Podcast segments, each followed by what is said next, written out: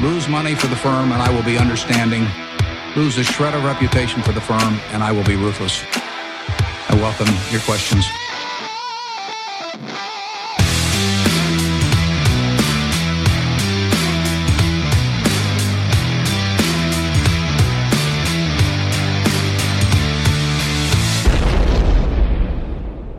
Hej och hjärtligt välkomna till Kvalitetsaktiepodden. Det är jag som är Ola. Det är jag som är Marcus. Ja, och det är jag som är Klas. Det här är avsnitt 130. Och fy fan, det är, det är ju det är 13 om man tar bort nollan. Det är, Ja, det är otäckt. Det är ju riktigt Som otäckt. tur är spelar vi inte in på en fredag, utan eh, på en onsdag faktiskt. Ja, när ja. avsnittet släpps. Ja, ja, Natten till torsdag den 24 november. Så är det. ja. Alltså imorgon nu när vi sitter här. Eh, I det här avsnittet summerar vi upp den gångna rapportperioden lite grann och eh, avslöjar den inte helt okända det okända vinnaruttrycket i vår pricing power-tävling. Just Det det. blir spännande. Och vinnaren då som är fortfarande okänd. För det är ju en person va? Inte för oss. Inte för oss. Nej. Eh, Ryssland då fortsätter, ju- fortsätter ju sin vidriga terrorkampanj mot invånarna och infrastrukturen i Ukraina. Eh, vi uppmanar alla som har möjlighet att skicka ett bidrag eller bli månadsgivare till någon seriös hjälporganisation som stöttar Ukrainas hårt prövade och tappra folk inför den kommande vintern. Vi kommer göra det. Eh, ja, Ukraina, vi ser och vi glömmer aldrig. Nej. Det är för jävligt. Ja. Sen senast då så har det varit sommarvärme, snökaos och trevligt umgänge med investerarvänner. Eh, Jag har bland annat hunnit med två stycken volleybollresor till olika hallar i Södertälje. Det låter kul. Olika hallar. Ja, det är 17 mil dit upp ungefär längs E4. Eh, Förra helgen då var det strålande solsken, 15 grader. Jag tror att det stod att det var 17 grader någonstans på SMHI också. Tog cirka en eh, timme och 40 minuter enkel väg. Det var toppen va? Den här helgen, i söndags, lite annorlunda väder. Resan hem då tog istället eh, ja, två timmar och 50 minuter. Oh. Men det kan också ha berott lite på att det inleddes med att jag, min förvirrade hjärna och GPSen då som var lite utstörd av det ymniga snöfallet missade påfarten till E4 och fick åka, åka mot Stockholm istället. Upp till Tumba. Och du upptäckte det inte förrän... Nej. det, du upptäcker det exakt när du inser att nu kan jag inte, Nej. nu kan jag inte svänga och jag kan ju inte backa på påfarten till motorvägen här. Nej, det kan du I inte. det här kaoset. Nej, det är dumt. Tumba. Nio kilometer upp där fick man åka. Och det hela vägen så tänkte jag, när kommer kön? Det hade ju varit den ultimata förnedringen, Åh, eller hur? När kommer åh, kön? Eller? nej. Men det gjorde det inte. Nej, nej. Men du torskar ju inte mycket mer än 10 minuter på en sån grej va? Ah, det vart ju, I det här där vart det väl en kvart någonting. Ja, Okej, det var så. Ja, jag kan säga så här, ungdomarna som var med i bilen, de var jätteimponerade. Inte Mm. Nej. som de skulle ha sagt. De ville hem. De och ville ju hem då. Ja, ja. De spelade dessutom jättebra volleyboll, så det var ju det Ah. var inte snällt av mig att förstöra deras förstöra. kanon. Nej, men så var det i alla fall. Mm, Vilka äventyr har ni varit ute på sen senast då, grabbar? Ja, du tog upp det här med Twitter, eller investerarvänner här. Att Ja, jag antydde att det hade hänt något. Ja, vi hade ju en liten träff här igår med mycket. lite Twitterprofiler här eh, från eh, runt om i Sverige. Ja. Och, och förresten Niklas Aldén också från Market Makers-podden. Ja, han var ju med. Ja. ja. Eh, I alla fall på kvällen. Ja, i alla fall på kvällen. Mm. Eh, lyssna där poddar finns då. Market Makers, bra podd. Eh, nej, men riktigt trevligt. Vi kör lite case, god mat, trevligt aktiesnack. Mm. Tack alla och grattis Jesper till, till vinsten. Mm. Kan vi säga. Trevligt. Ja, Så var det. Och vi har ju kört investerar-SM. ja just det. Eh, Sen, eller gjorde vi förra veckan. Konstigt, jag har inget, ingenting om dig i jag, mitt jag, manus. tänkte- jag tänkte komma till det Claes. Ah, okej. ja. Nej, det gick ju bra. Slutade Fy 84 fan. av eh, 3000 i svenska tävningen. Bra Det Marcus, bra. det är- det Du, är du är även bra på, på ren trading. Ren tur På, på kan man vara bra på veckobasis. också. Ja. Ja. Eh, 67 procent upp på en vecka. Fy fan, Det, är är bra. inte Det är okej. dålig.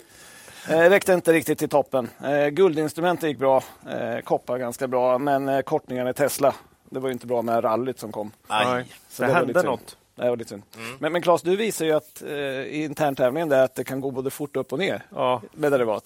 fy Eller? fasen alltså. Hur, du var väl plus 50 procent efter några dagar va? Ja, men jag låg ju topp 100. Mm. Och det var väl, var det på torsdagen det vände Ja, va? torsdagen vi satt- Inflationssiffror. Vi, vi satt ju möte, det kom där lite inflationssiffror ja. Och jag, och jag gick ifrån Plus 50 procent. till, till, ja, jag vart ju av med, jag var ju, hade ju 30 procent kvar när det var klart va, någonting. Ja. Oj! Ja, Det svänger kan man säga. Men då var det liksom gånger tio derivat och grejer. Ja, jag tog ju det, de, de mesta hävstångar jag kunde hitta i alla. Ja, ja, ja, ja, ja. det var oljan mest som Ja, oljan gick Olja åt skogen och sånt. gasen gick ju fullständigt. Det, som, det var ju det, det som hade gått bäst. Det Gick gick åt skogen. Ja, och jag låg även faktiskt lite i Tesla där. Det hade ju Macke fattat och dratt ner sin position lite grann, men jag satt ju bara och tog den där I, i bröstet. i bröstet. Jag, jag drog ner innan beskedet. vet du. Ja, Ja, det är tufft att vara daytrader alltså. ja, du kände ju till att det skulle komma ett besked. Jag tänkte inte ens på det. Du bara såg depån flimra förbi. Nej, det, var, det var ju kul så länge det varade. Ja, ja. Ja, vi får ta nya tag nästa år. Ja, ja. grattis! Tack. tack, tack. Eh, Snyggt, äras, äras Fick du den något som pris? äras bör. Fick du något pris, Jag fick en prenumeration på Stock Magazine. Eller vad. Jaha, Det- kul, kul. Ja, kul. Ja, det var skoj. Du va? har väl även kommit högt i börs-SM någon gång? Ja, det Va? var länge sedan. Ja, ja, men 0-0. 0-0. Preskriberat. Fick vi vara i eh, börshuset och dricka champagne och grejer. Jaha. Så det var trevligt. Oj, oj, oj. Mm, trevligt. Ett, ett, ungt jag, var tju- var tju- ett ungt jag sprang omkring och gav dåliga råd till alla gamla rävar. Om, om alla IT-konsulter. Om alla heta IT-bolag. Jag hoppas de inte lyssnar Men för om du, mycket. om du placerar dig högt i sådana här aktietävlingar var 20 år ungefär, så, så, så går det nog bra va? Nästa gång. Nästa Jävlar. gång. Ja, då jävlar. Ja, nej, f- kul! Ja, Ja, det var roligt det där. Japp. Eh, åter till ordningen va? Mm. Jag tänker på den här avfarten ibland. Från, Mot från. Södertälje va? Mm. Jag vet några som inte skulle ha missat den. Vet du vilka det är? Peter och Håkan eller? Nej, På- Peter och Håkan på Kavaljer. De Ja. hade banne inte missat den i alla fall. Det är Nej, nämligen eh, vår huvudsponsor Kavaljer AB som de rattar. De kör inte fel. Nej, de kör inte fel. Nej. Eh, så är det ju också att för har man en liten större förmögenhet på kanske ja, över 5 miljoner kronor så erbjuder ju Kavaljer en framgångsrik diskretionär förvaltning. Svårt Eh, ord det där. Jättesvårt. Kan ha varit rätt uttalat, kan också ha varit fel. Jag tror det går hyggligt bra. Ja, eh, så att eh, ja, under det här året så kanske många av våra lyssnare har sett en, en del värde försvinna ur portföljerna. Misströsta lite. Tycker ju att det är ett fortsatt svårnavigerat börsklimat. Det tycker i alla fall vi. Kan vara värt att i alla fall höra av sig till Peter och Håkan och höra om deras erbjudande och filosofi. Ja. Och Den här tjänsten riktar sig även till företag, organisationer, stiftelser och så kallade trädabolag. Om man vill få möjlighet till en bättre aktiv avkastning på sitt kapital. Mm. Så. Mm. För, förutom det här vill vi även återslå ett slag för månadssparande i fonder. Det är bästa sättet för att slippa oroa sig för timingrisken på den typen av börs vi har nu. Eh, ja, ett månadssparande, kanske en eller båda av Kalers fonder. Något att fundera över. Ja. Men då ska man komma ihåg att historisk avkastning i fonder inte behöver vara en indikator på framtida avkastning och att man kan förlora delar av sitt satsade kapital då fonder både kan gå upp och ner i värde. Mm. Tack säger vi till vår huvudsponsor Cavalier AB. Tack. Börsdata då? Ja, det är värdeinvesterarens bästa vän. Ja, sannerligen. Mm. Eh, George då, han låter ju hälsa här att nu lanserar ju Börsdata kvartalsestimat. Okej. Nu kan användarna lägga in både helår, det har man kunnat här, tre år framåt och kvartalsestimat fyra kvartal framåt. Mm. Det här är ju en nyhet som vi ja, kan bli en riktig hit. Vi tror ju väldigt mycket på det här att verkligen fundera över vart, vart är vi på väg som vi säger ibland. va? På spåret. På spåret ja. Ja, ja. Och fyra kvartal framåt, det, det, det bör man väl ha en idé om. Ja. Kan man inte hitta någon sån idé så ska man fundera över, ska jag verkligen investera i det här? Eh, nästan 1400 användare på Börsdata har redan eh, lagt in tus, tusentals egna estimat Nej. som de nu kan följa regelbundet. De sparar sig naturligtvis i tjänsten. Ja. Eh, och George och gänget på Börsdata kommer fortsätta att förbättra eh, estimatfunktionen. Nästa eh, grej blir rullande 12 månader. Och eh, lite mer jämförelsefunktioner då mellan, mellan kvartalen. Ja. Stay tuned, ja, kul. säger vi. Riktigt bra grej. Så är man inte medlem hos, hos Börsdata än så blir det. Alla medlemsnivåer och priser hittar man på borstata.se pristabell. Själva tjänsten hittar man på borstata.se terminal. Och där har ju alla tillgång till en utmärkt basversion som ger ett bra smakprov på vad tjänsten har att erbjuda. Tack säger vi till Börsdata. Ja, innan vi går vidare i avsnittet vill vi påminna våra lyssnare om att aktieinvesteringar alltid innebär ett stort risktagande. Aktier kan både gå upp och ner i värde. Satsa därför aldrig kapital på aktier som du inte är beredd att förlora. Det vi säger i podden ska aldrig betraktas som köp eller säljrekommendationer. Gör alltid din egen analys av bolagen innan eventuell handel. Det ser helt fascinerande ut. Ja, det var så jäkla snabbt. Det, och snabbt och, idag. och, eh, ingen tung, tungvrikning alls. Det var liksom, man fick en sån här Ja, jag funderat, sportreferat. Jag kände jäkla Klas som, eh, du vet de här som är... någonstans i det här borde vi lägga in sex laxar och en sån där ask. då är det det kört. kommer, då är det kört. Ja, ja. Eh, ja, imponerande Klas. Men in, lika viktigt för det, att tänka på det Ja. jag precis sa. Ja, vi är redan över i Aktuellt då. Så är det. Allmänt, Allmänt. vad har vi att säga om läget, Marcus? Eh, nej, men jag kollade upp eh, sen vi satt där senast. 4 upp ungefär. Ja, det... Men det är Studsen for- fortsätter här. Fortsatt starkt, får man säga. Eh, det var ju en rätt galen uppgång den här 10 november som vi redan- varit inne på lite grann. Eh, det var ju inflationssiffror från USA. Då. Eh, KPI-utfall 7,7 procent upp istället för förväntade 7,9.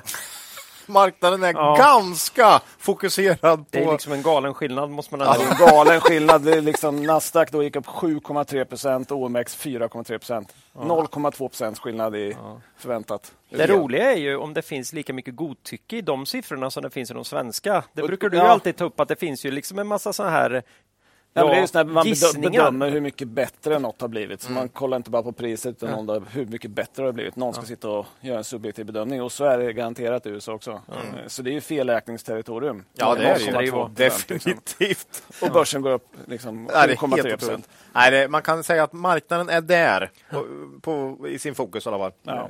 Solklart. Men, men att det är så kraftig reaktion är ju såklart för man drar ut den långa trenden. Chansar på att Fed ska sluta höja Mm. eh, och att inflationen ska sjunka tillbaka.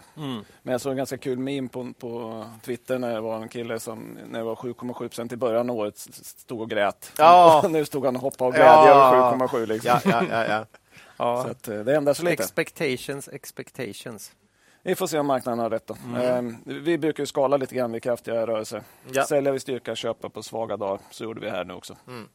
Är man långsiktig behöver man inte fundera på att göra så mycket än överhuvudtaget. Nej. kan mest följa med. Eh, Man kan också notera en lite högre riskvilliga marknad på slutet. Eh, Har ju varit lite bättre. Och det lockar ju fram en massa emissioner. Ja. Både riktade och vanliga emissioner har vi sett. Eh, Bland annat då eh, kontraktstillverkaren Hansa som vi haft i podden. Gjorde en riktad emission, 147 miljoner. 10 rabatt eh, mot kursen dagen innan. Då. Det var inte så kul egentligen. Ja, eller man får in pengar. Jo, men det var ganska förvånande att det var så stor rabatt tyckte jag. Eh, Ja, nej, det, det har varit ganska stora rabatter på många faktiskt. Ja. Ehm, 3,5 miljoner nya aktier, utspädning 8,9 procent. Eh, och det här med att ge ut nya aktier har vi pratat om. Eh, när man gör det för att växa så, så får man utspädning. Eh, och som vi sa när man gick igenom Hansa i podden, eh, kolla på börsdata, vinst per aktie Mm. och nyckeltal, omsättning per aktie och så vidare. Eh, och inte bara de översta raderna. Eh, det gäller ju alla bolag i samma situation, och inte bara Hansa såklart. Men bolagen lyfter ju oftast fram omsättning och vinst har stigit med x procent. Ja. Mm. Eh, Kanske inte alla som lika tydligt lyfter fram per aktie. Då. Nej. Nej, så kolla det. Oerhört viktigt. Eh, helt avgörande. Nej, men, ja. Och vi, ja, men vi gillar ju som lyssnare vet nyckeltalet vinst per aktie. Ja. Vi, vi tror ju att över tid så är det tillväxt i det nyckeltalet som kommer vara avgörande för kursen på lång sikt. När man pratar börs också tycker jag att det är fortfarande väldigt låg likviditet i många mindre bolag Väldigt på börsen. Det är väldigt lite handel generellt. Eh, Så att det är många må- småsparare har försvunnit, eh, i alla fall tillfälligt. Då. Mm. Jag vet inte varför, men jag utgår från att det är robotarna. Jag Ja, tror de har försvunnit. de har tagit paus. robotarna sitter nog där och, och, och, pussar på varandra tror jag, från varsin sida. Nej, De har gått sönder kanske. de, nej, men jag tror väldigt många småsparare inte är lika aktiva i år som, som de var förra året. Nej, vi har ju sett det. Det, det På är väldigt tungt. och ont. Ja, kan man lugnt Vi får se vad som händer, men det är låg likviditet. Definitivt. Eh, vi har pratat en del i podden om utvecklingen för bolag som har koppling till bygg. Eh, har vi gjort sen, senaste året. Eh, vi satte ju till exempel en maxgräns på 20 procent för att inte få för mycket exponering mot en viss sektor. Då, eh, som vi pratade om tidigare. Eh, även om de såg väldigt billiga ut. Vi vill ju generellt inte ha för mycket mot en sektor oavsett, men, Nej. men och där satte vi 20 procent också. Sånt tycker vi är ganska vettigt att tänka på. Så att man inte hamnar helt galet. Mm. Ligger alla ägg i samma korg. Även om man diversifierar mellan olika bolag så om man har alla inom bygg så blir det inte så bra ändå. Liksom. Nej, precis. De som har diversifierat på fastighetsbolag i år har ju fått lite problem med Ja, lite så. risken kan man säga. Ja. Men i alla fall då, så såg vi ett eh, pressmeddelande från Byggfakta 16 november. Eh, De har något som heter byggstartsindikatorn. Eh, Den visar då på nybyggnadsprojektens uppskattade byggkostnader. Och den här kan ju ge en tidig bild av byggkonjunkturen. Då. Eh, intressant då den visar på väldigt tudelad bild. Då. Lite överraskande tyckte jag när jag läste den. Eh, byggstartindikatorn då för bostäder sjönk med 1,2 procent under oktober. Det var kanske inte så överraskande. Eh, 14, dagen, eller 14 månaden i rad nedgång. Ja. Eh, och jämfört med förra årets oktober eh, så var det 23,5 procent ner. Ja, Det jo, är väldigt mycket. Det är väl där det händer mycket på den. Det, det, det tabb, faller mycket där helt enkelt. Ja, så är så det. det var inte så konstigt. Men Nej. däremot indikatorn för övrigt fastighetsbyggande steg 3 procent under oktober och Jaha. ligger 40 procent över förra året. Oj, Då tänkte man sig, vad är det här då? ja, det vill jag gärna veta. Marcus. ja. Eh, nej, men och då är det tydligen så att eh, hela uppgången härleds till offentligt byggande. Skolor, sjukhus och, och den typen av projekt. Medan kommersiellt byggande inom kontor, handel, industri står min, ja, mindre eller mindre stilla, eh, sjunk- minskar lite grann. Då.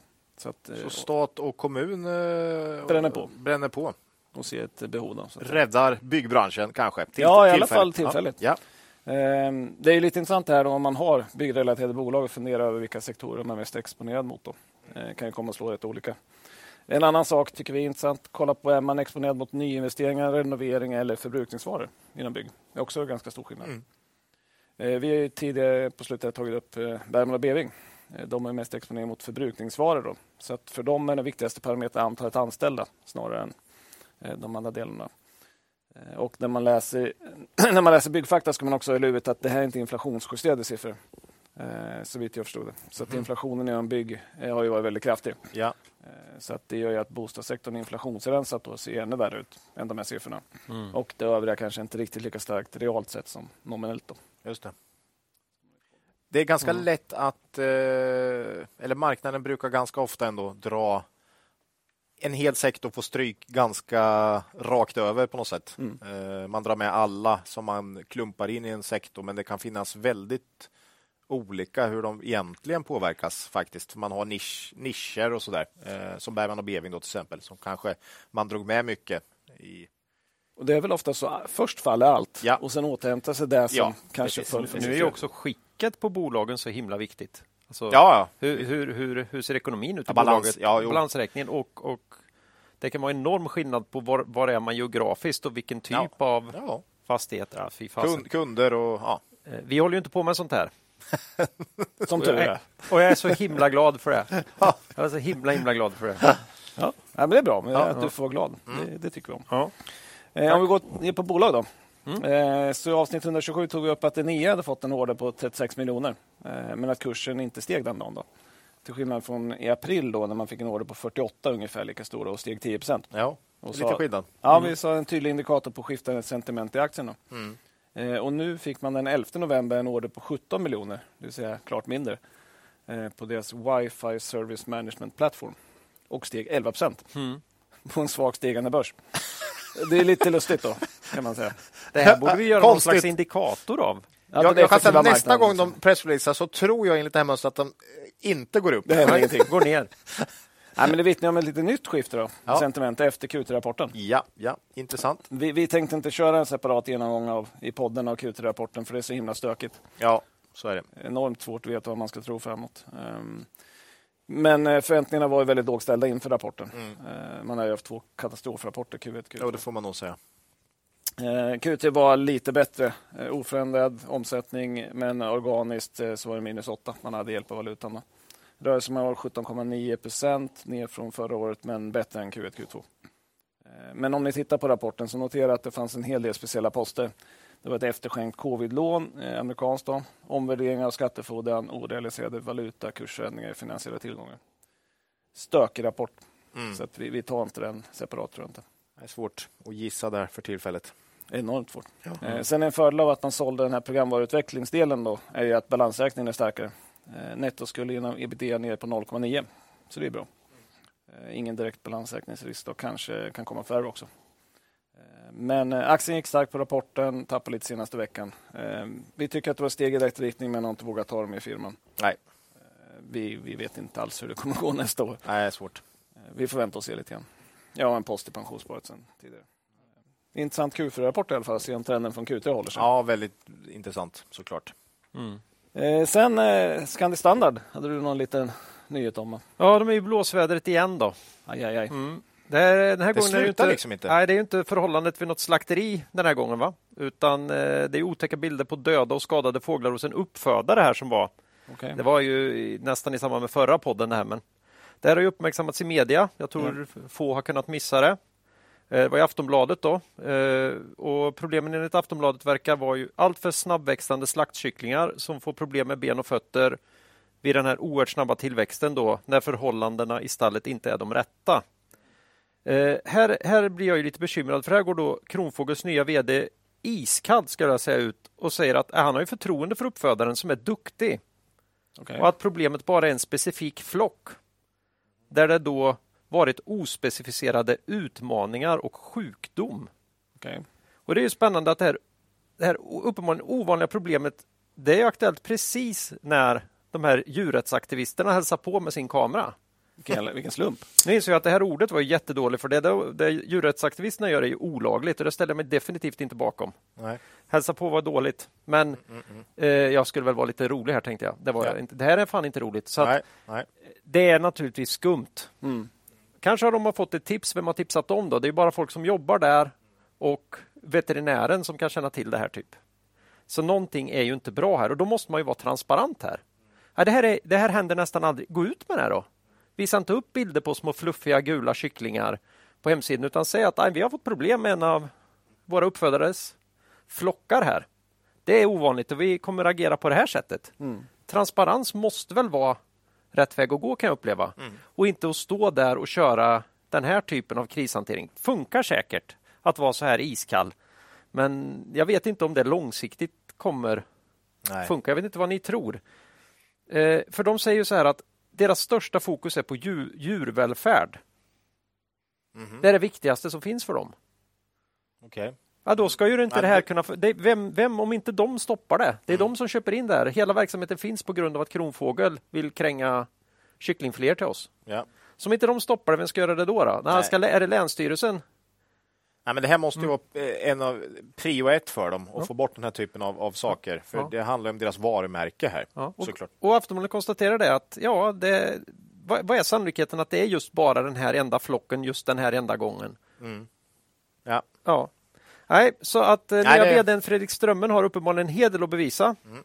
Det känns ju tyvärr lite extra sorgligt när vi har ju berättat om hur det har gått med den här satsningen på de mindre sjukdomsbenägna långsamt växande fåglarna i Danmark. Just det. Det har inte gått så bra. Så där måste jag ge dem att upp, man har ju ändå försökt. Ja, ja. Kostnaderna stiger, ingen jäkel vill ta i det där köttet. Nej.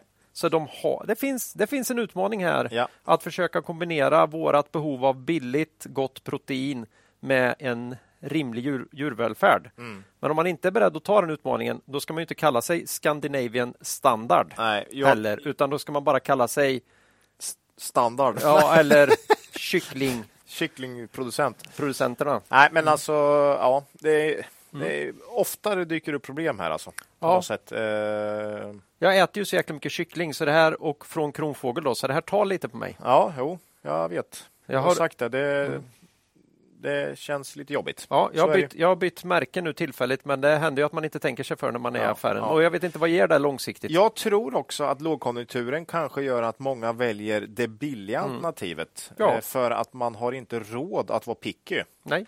Eh, Så att, eh, ja, Ja.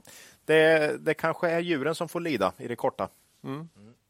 Och här, Ja. här är jag nog tyvärr också en del av problemet då eftersom jag Alla som köper är ju det såklart. på något sätt. Mm. Men det är väl bra att det uppmärksammas kanske det kan bli ändring. Ja, det Ja, är ju jäkligt det. bra såklart. Ja, Eh, nej, men det var tråkigt. Det, ska, det är ständigt någonting nu. ja, lite så. Så är det. Vi hade ju Newcastle-sjukan här också i en Det är en lite som besättning. det är. Aldrig får man Eh, vara glad värphöns. och är man det så regnar det. Exakt den. Det är lite den va? Det är den igen. Ja, det är tufft. Eh, lite roligare då. Mm. Eh, 17 november så meddelar Systemair då, som vi hade uppe i podden så sent som 127, avsnitt 127. Eh, man säljer sin luftkonditioneringsverksamhet till Panasonic för 100 miljoner euro på skuldfri basis. Då. Eh, den här eh, verksamheten är omsatt eh, på rullande 12, 69 miljoner euro. Eh, lönsamhet under koncernens snitt sa man. Eh, men enligt en artikel i DI så sa man 4,5 procent. Jag vet inte var de fick den ifrån. Eh, men den stämmer säkert mot koncernens 8,5 då. Mm. Eh, man säljer alltså till ett PS, eh, price to sales, på 1,44. Eh, Systemair har en egen värdering på 1,3 då. Så att man får mer betalt fast den har sämre lönsamhet. Ja. Jag kan säga att efter senaste tidens uppgång på 20 procent så är den lite högre. Ja, men det var innan Det var in, ja, ja, ja, För man steg ju 13,5 procent ja. på affären. Mm. Och är upp 20 procent på en vecka nu. Ja, så börsen tyckte ju också det här var kul. Ja, cash in är, gillar, ju, Cash in är bra. gillar ju marknaden just nu. Det, det är ju så. Nej, de fick bra betalt kändes det som. Ja, sen, men sen kan det vara lite häftig uppgång kanske. Ja. Ändå, Verksamheten stod för 7 procent av omsättningen. Mm. Och de får 8 procent av börsvärdet och det var upp 20 sa du? Ja, på en, Ja, vecka. på en vecka. Men börsen har ju gått starkt av. Men ändå, det är lite mycket kanske. Lite mycket kanske. Men eh, förhoppningsvis kan de köpa något bättre. Ja, eh, fick 490 miljoner i kapitalvinst då, 2,4 kronor per aktie. Eh, höjer lönsamheten då för det som är kvar Ja. i och med att man säljer bort det. Eller ska Gerhard ha utdelning till, Eller ska han ha utdelning? till, SAS, till, till SAS och indiska kanske? Ja, ja. Ja. Inte slaska bort nya pengar. Nej. Eh, Systemair hade i senaste rapporten räntebärande skulder på 2,8 miljarder, nettoskuld ebitda på 2. Då. Så det är inte fel med 1,1 miljarder in i kassan. Så att säga. Eh, Så att, eh, ja. Ladd, ladda för nya förvärv kanske? ja, och få ner skuldsättningsgraden lite grann när vi går mot sämre ekonomiskt klimat. kan ju öppna sig lägen. Ja. Ja, det är snyggt. Nej, det tyckte vi var en bra affär ändå. Så, li- så nu blir lite hatten av igen då? Hatten av. Ja, men Systemair har Vi- aldrig klagat Nej, det, det går alltid bra. Det, det finns en stabil i hela den här historien som vi drog ner förra Ja, gången. ja. Eh, ja, sen vi brukar alltid ha med en iGaming-nyhet. Mm. Vilken är veckans? Ja, det får bli Betsson då. Ja. Men, men nyheten kommer ha vissa likheter med tidigare nyheter om Kindred. ja, men det gäller ju viten i Norge då. Det här är liksom ett år Norge nu. historia. Man- Det har hänt en liten ny grej som bra. What's the new thing? The new thing. Nej, men, eh, under våren då, så beslutade ju Lotteritillsynet att Betssons operativa bolag BML Group eh, skulle betala drygt en miljon om dagen då för varje dag som man eh, hade olicensierat spel i Norge. Som de säger. Eh, den 18 november då så publicerade DN en artikel som sa att nu hade den här norska kulturdepartementet eh, behandlat Betssons överklagande av de här, det här vitet. Då. Och så gav man Lotteritillsynet rätt att ta ut ett vite på upp till 365 miljoner norska. Mm, det var väl i nivå med Kindreds Ja, inte så långt ifrån första, Kindreds. va? Ja. Mm. Och det påminner ju starkt om, om den processen med Kindred som Mm. vi pratade om. Eh, Det som är lite nytt då, eh, för det var lite nytt, det är att från och med årsskiftet kommer det tydligen en ny lag i Norge. Pengaspovloven. Jag heter säkert inte så. Ja, vi kommer tillbaka till all- Norge. det låter vi kommer allvarligt. tillbaka till Norge senare i podden. här. Ja, så vi, ja. mm. Ja, men där, där har man i alla fall ändrat överklagandemöjligheterna till att bara vara lotterinämnda. Mhm. Man ska inte kunna överklaga lika mycket. Det har man ju hållit på med nu ganska länge. Både Mm, och Kindred. okej, okej. Mm. Eh, Det ges också en möjlighet för Lotteritillsynet att döma ut retroaktiva böter då, Mm. eh, utöver de här löpande vitena. Eh, Ja. Sen är ju lite, jag menar, det, Kindred och Betsson invänder ju inte mot att man, eh, liksom, det är norsk lag som ger dem rätt att utdöma böter, utan man säger att det är EU-lag som inte ger dem rätt att utdöma böter. Ja, för man, är ju ett, eh, man är, verkar ju från Malta. Det är Ja, man verkar är- från man Malta inget- och man är inom EU Ja. och fria tjänster och hela Ja, den här biten. Så att, att norrmännen är enda lagen till att ha andra instanser inom Norge känns ju kanske Nej. inte som det påverkar sakfrågan.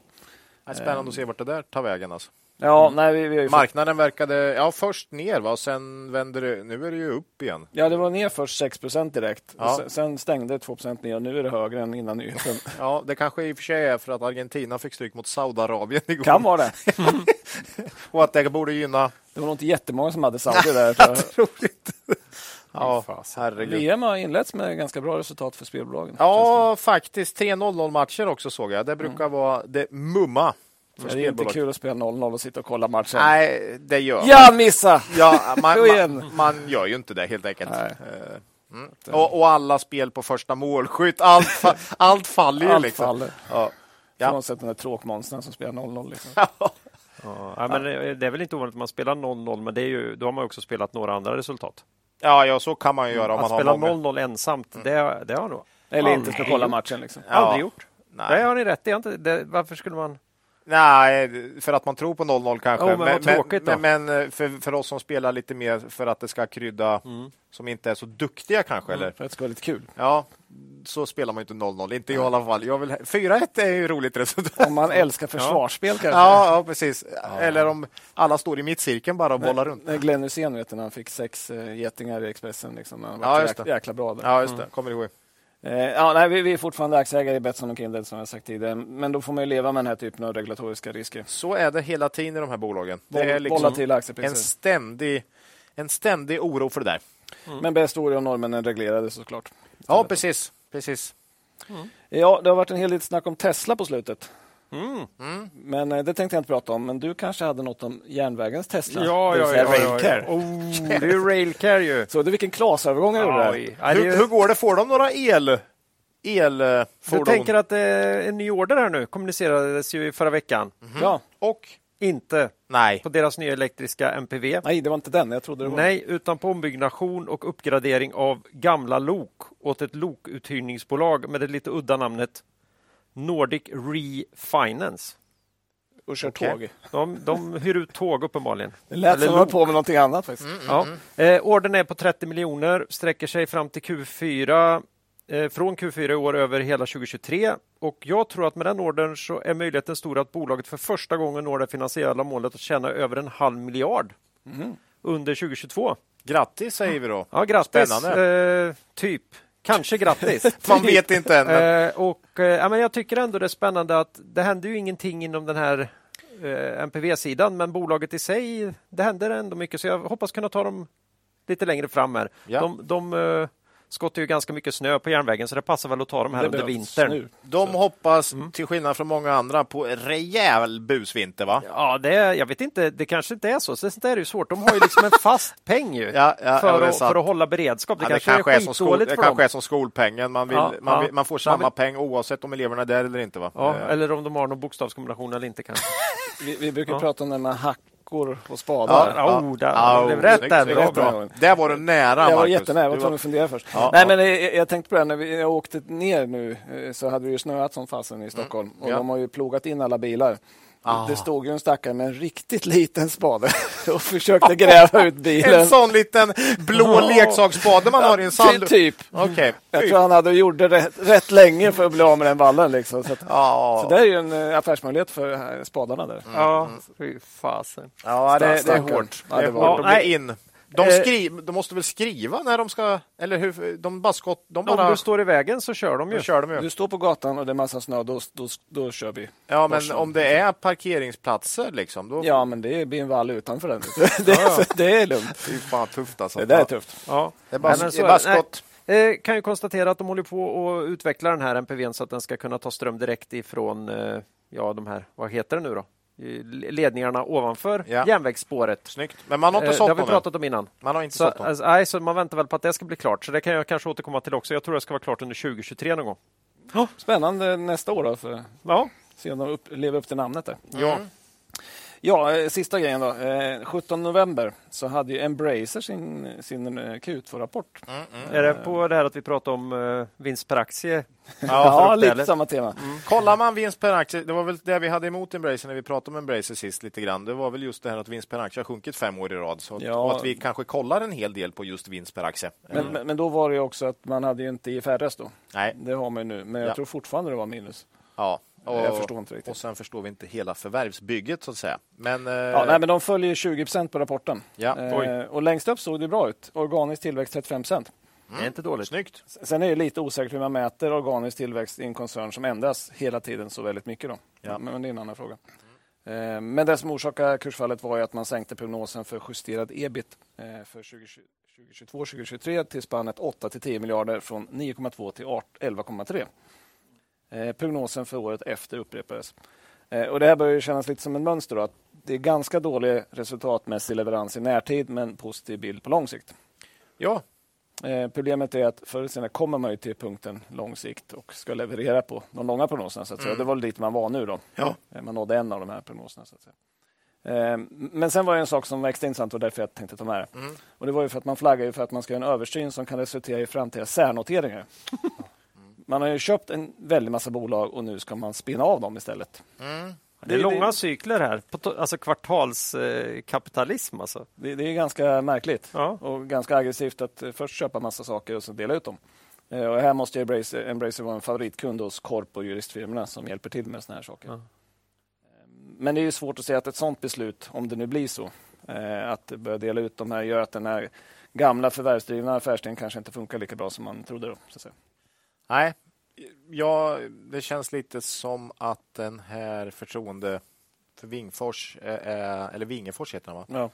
Ja, det fick sig en liten turn här på något sätt. Eh, att marknaden kanske inte riktigt vågar tro på, på prognoserna som man har gjort ganska tydligt. Ja, och värderingen är ju väldigt, väldigt låg om, Om det går som de har om sagt nu. prognoserna nås 2024. Så att marknaden är nog väldigt skeptisk till det. Helt enkelt. Och vi har ju fått massor med frågor till podden om Embrace genom åren. Ja. Mm. Varför har ni inte tagit upp dem? Då? Eh, och vi har ju sagt, vi har funnit caset för rörigt. Ja, för rörigt är ju bra. Och vi vet inte hur balansräkningen ser ut bland annat. Då.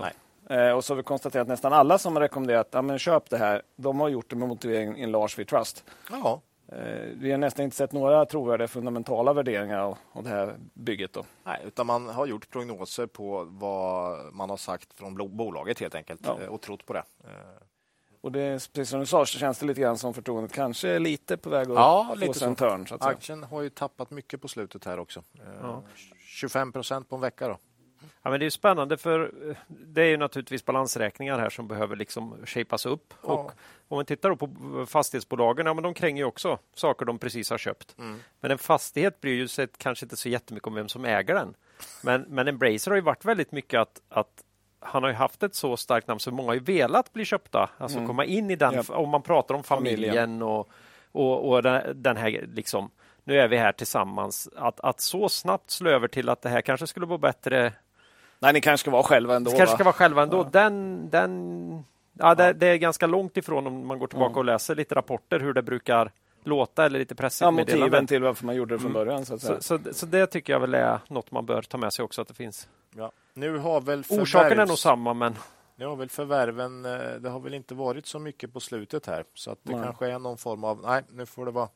Men, men det vore ju bra med lite steady state kanske. Ja, se jobba vart- på och göra spel istället. Ja, alltså att få ihop en sån här koncern måste ju vara fruktansvärt jobbigt eh, organisatoriskt. Eh, Mm. Så att eh, det är nog bra. Att man... Men, men avslutades det inte med rättigheterna till Sagan om ringen och det här? Jo, då, Jo, det har, det har man nu, så det kan ju bli jättehäftiga saker. Där. Så Jag hoppas på det. hoppas på Ja. att det blir bra. Men, men eh, vi är i alla fall inte sugna på Embracer nu heller. Nej, Vi, vi vill ju försöka ha case som vi känner lite lätt, äh, lättare. Ja, och framförallt inte så extremt förvärvsdrivna. Det blir oerhört mäckigt till slut. Ja. Eh, förvärv är bra, men inte absurt. Ja. Eh, väldigt svårt att veta vart det tar vägen. Så det blir nog inte Embracer i podden på ett litet tag Nej, till. nej. Så det var det. Bra, ja, det, var ju, det var inte så lite. Det. Nej, Det var, det var något. Då är det bolag. ja, Och eh, jag tror lite rapportsnack. lite rapportsnack. Mm. Jag vet inte hur många det är nu, sju, åtta stycken. Åtta var det va?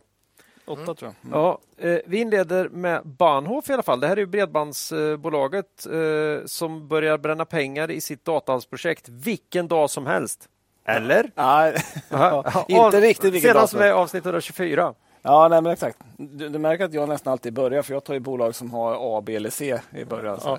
Ja, det är helt Enbart. otroligt. Det är därför du Det gör är därför jag gör det. Ja, så typiskt. Du har inte märkt det? Nej, jag har, inte, jag har missat den. Fan. Synd. synd. Ja, nej, men de var med i 124 efter Q2. Då. Mm. Eh, då sa vi att vi är lika säkra på att man kommer slå prognosen för 22 som vi var på att man skulle missa prognosen för 21. Eh, och hur blev det i Q3 då? Mm. Jo, nej, men man kom in med en rapport som var nästan prick på vad jag gissat på faktiskt. Eh, omsättning 7% upp till 436 miljoner. Eh, skriver i rapporten att Bahnhof går urstarkt trots ett osäkert om, eh, läge i omvärlden och tar allt fler större affärer. Så det är Mm. positivt. Bahnhof är ju historiskt ett ganska lätt bolag att prognostisera ändå. Man är väldigt... Fint så. jag var så nöjd att det var så nära. Ja, nej, men de hade, du hade ju något Förra kvartal här var när det stökade Ja, till sig lite. Så- förra så att- året var det inte så lätt. Nej, Nej. Så att, men, men eh, historiskt har de ju väldigt bra, fina siffror. Mm. Eh, det är ju det vi tycker om, bland Ja. annat. Så. Eh, rörelseresultatet 21 upp till 58 miljoner, marginal 13,3 procent. Det är lite över historiskt snitt för Q3, men klart över förra årets 11,8. Då. Så man är inne i en väldigt bra trend eh, där. Eh, steg 3,9 procent på rapporten. Anledningen var troligtvis att man höjde prognosen för 22. Då. Eh, man, eh, sa- man sa att man kommer överträffa den gamla prognosen och det har vi sagt i podden att man skulle göra. Trodde vi på, så att säga. Ny prognos då, 1,73 miljarder. Rörelseresultat eh, 225 miljoner. Eh, den prognosen föranledde inga ändringar för oss. Vi hade gissat att man skulle landa där ungefär. Så att, eh, eh när bolaget eh, lämnar en ny prognos också så sent som 8 november, en och en halv månad kvar drygt, så känner man att man är ganska säker på var man kommer landa. Det har vi sagt förut också att eh, bolag som släpper sena rapporter, eh, då vet man ganska mycket om det, det kvartalet som kommer sen. Jo, det är bra att ha i åtanke. Ja. Mm. Jag tänkte på marginalen. Jag vet inte, jag har ju Bahnhof, men jag, kommer, jag har ingen minne av om de har höjt eller inte. Men uh... Det känns som de måste ha gjort det, för ja, marginalerna blir ju markant bättre än senaste tre ja, rapporten. Ja, jag, för, ja, nej, jag kommer inte ihåg, men uh... Det kom så många olika tjänster som höjde här in i ja. Är det sant? Jag tycker fortfarande bredband är relativt sett billigt mot mycket annat. Man, mm. Eh, det är ganska prisvärt med tanke på hur mycket man använder det. Sjukt viktigt ju. Liksom. Uh, ja. Och det är väl en mot för dem, att man, man, känner ändå att det inte är så farligt dyrt, men man använder det hela tiden. ja, precis. Claes, du har väl till och med sagt att man hellre... Uh, ja, strömavbrott, strömavbrott är, ja, ja, bättre. ja. Tyvärr blir det ju, missar du bredbandet om strömmen går. Va? Ja, fast det tar, då tar man det. Ja, då tar man det. Ja. Men om bara bredbandet går, går det är inte okej. Okay. Ja, då, då jävlar. Ja, då blir folk vansinniga. Ja. Nej, sorry. Ja, nej, vi får se. Men eh, som sagt, eh, ja, man, man lär väl nå den här prognosen tror vi. Men, ja. men det intressanta i Q4-rapporten blir vad man tror om 23 istället. Man brukar ju släppa en prognos va? Ja, man brukar ge en helårsprognos då. Och det vill ge lite beröm till Bahnhof för att man gör det. Mm. Vi gillar ju när man ger prognoser i vägledning så att säga. Och vi pratar om många danska bolag till exempel som är duktiga på det. Finska? Och finska. Så att eh, det, det, det är de svenska som är lite sämre faktiskt. Ska mm. säga. Men det är bra, man ger vägledning till investerare, det tycker vi om. Eh, men man har som sagt en fin vinsttrend då, eh, för närvarande. Resultatet stiger mer än omsättningen. Marginalerna går upp. I år ser det ut som omsättningen stiger 8% resultatet 25 då, om vi träffar prognosen. Starkt. Men sen kan man inte höja marginalerna hur länge som helst. Om man liksom, man, på lite sikt måste man få högre tillväxt i omsättning för att kunna behålla hög vinsttillväxt. Då. Ja. Och tittar vi på omsättningstrenden de senaste åren, då, från 2016 så har man den här raden. Plus 27, plus 21, plus 14, plus 14, plus 14. Jag har inte hakat upp, men det var så. De är rätt stabila. plus 9 och i år plus 8. Ja. Så det är extremt fina siffror, men det är en svit som ganska tydligt stannar av. Ja. Det är väl också lite det vi är inne på ibland, att med, eh, när man växer så det blir ofta lite svårare att växa vid någon nu tror jag Bahnhof har väldigt mycket tillväxt kvar. Jo, eh, men det är ändå men, tydligt. Ja, det är ändå tydligt, absolut. Och man är ju bara i Sverige och då kommer vi in på den här igen. Vart tog expansionen till Norge och Danmark vägen? Ja. Mm. Det är ett år sedan nu man... Ja, Q, Q4 2021 ja, var, det. Det var Q4. Ja. Och då kan man fundera på, var det bara ett köttben som man kastade ja. till marknaden och hade en missade... svag rapport? Då? Ja, hade en svag rapport. Ja. Och så nu är man en bra lönsamhet och då behöver vi inte göra någonting. Det, det, är lite konstigt ändå. Eh, dags att lämna mer information om planerna och det är ett sätt att få fart på tillväxten och mm. gå över till andra länder. Och Ett annat sätt kan ju vara Elementica då, på sikt. Ja, den så kallade datahallen. Den mm. klimatsmarta datahallen. Förlåt. Förlåt.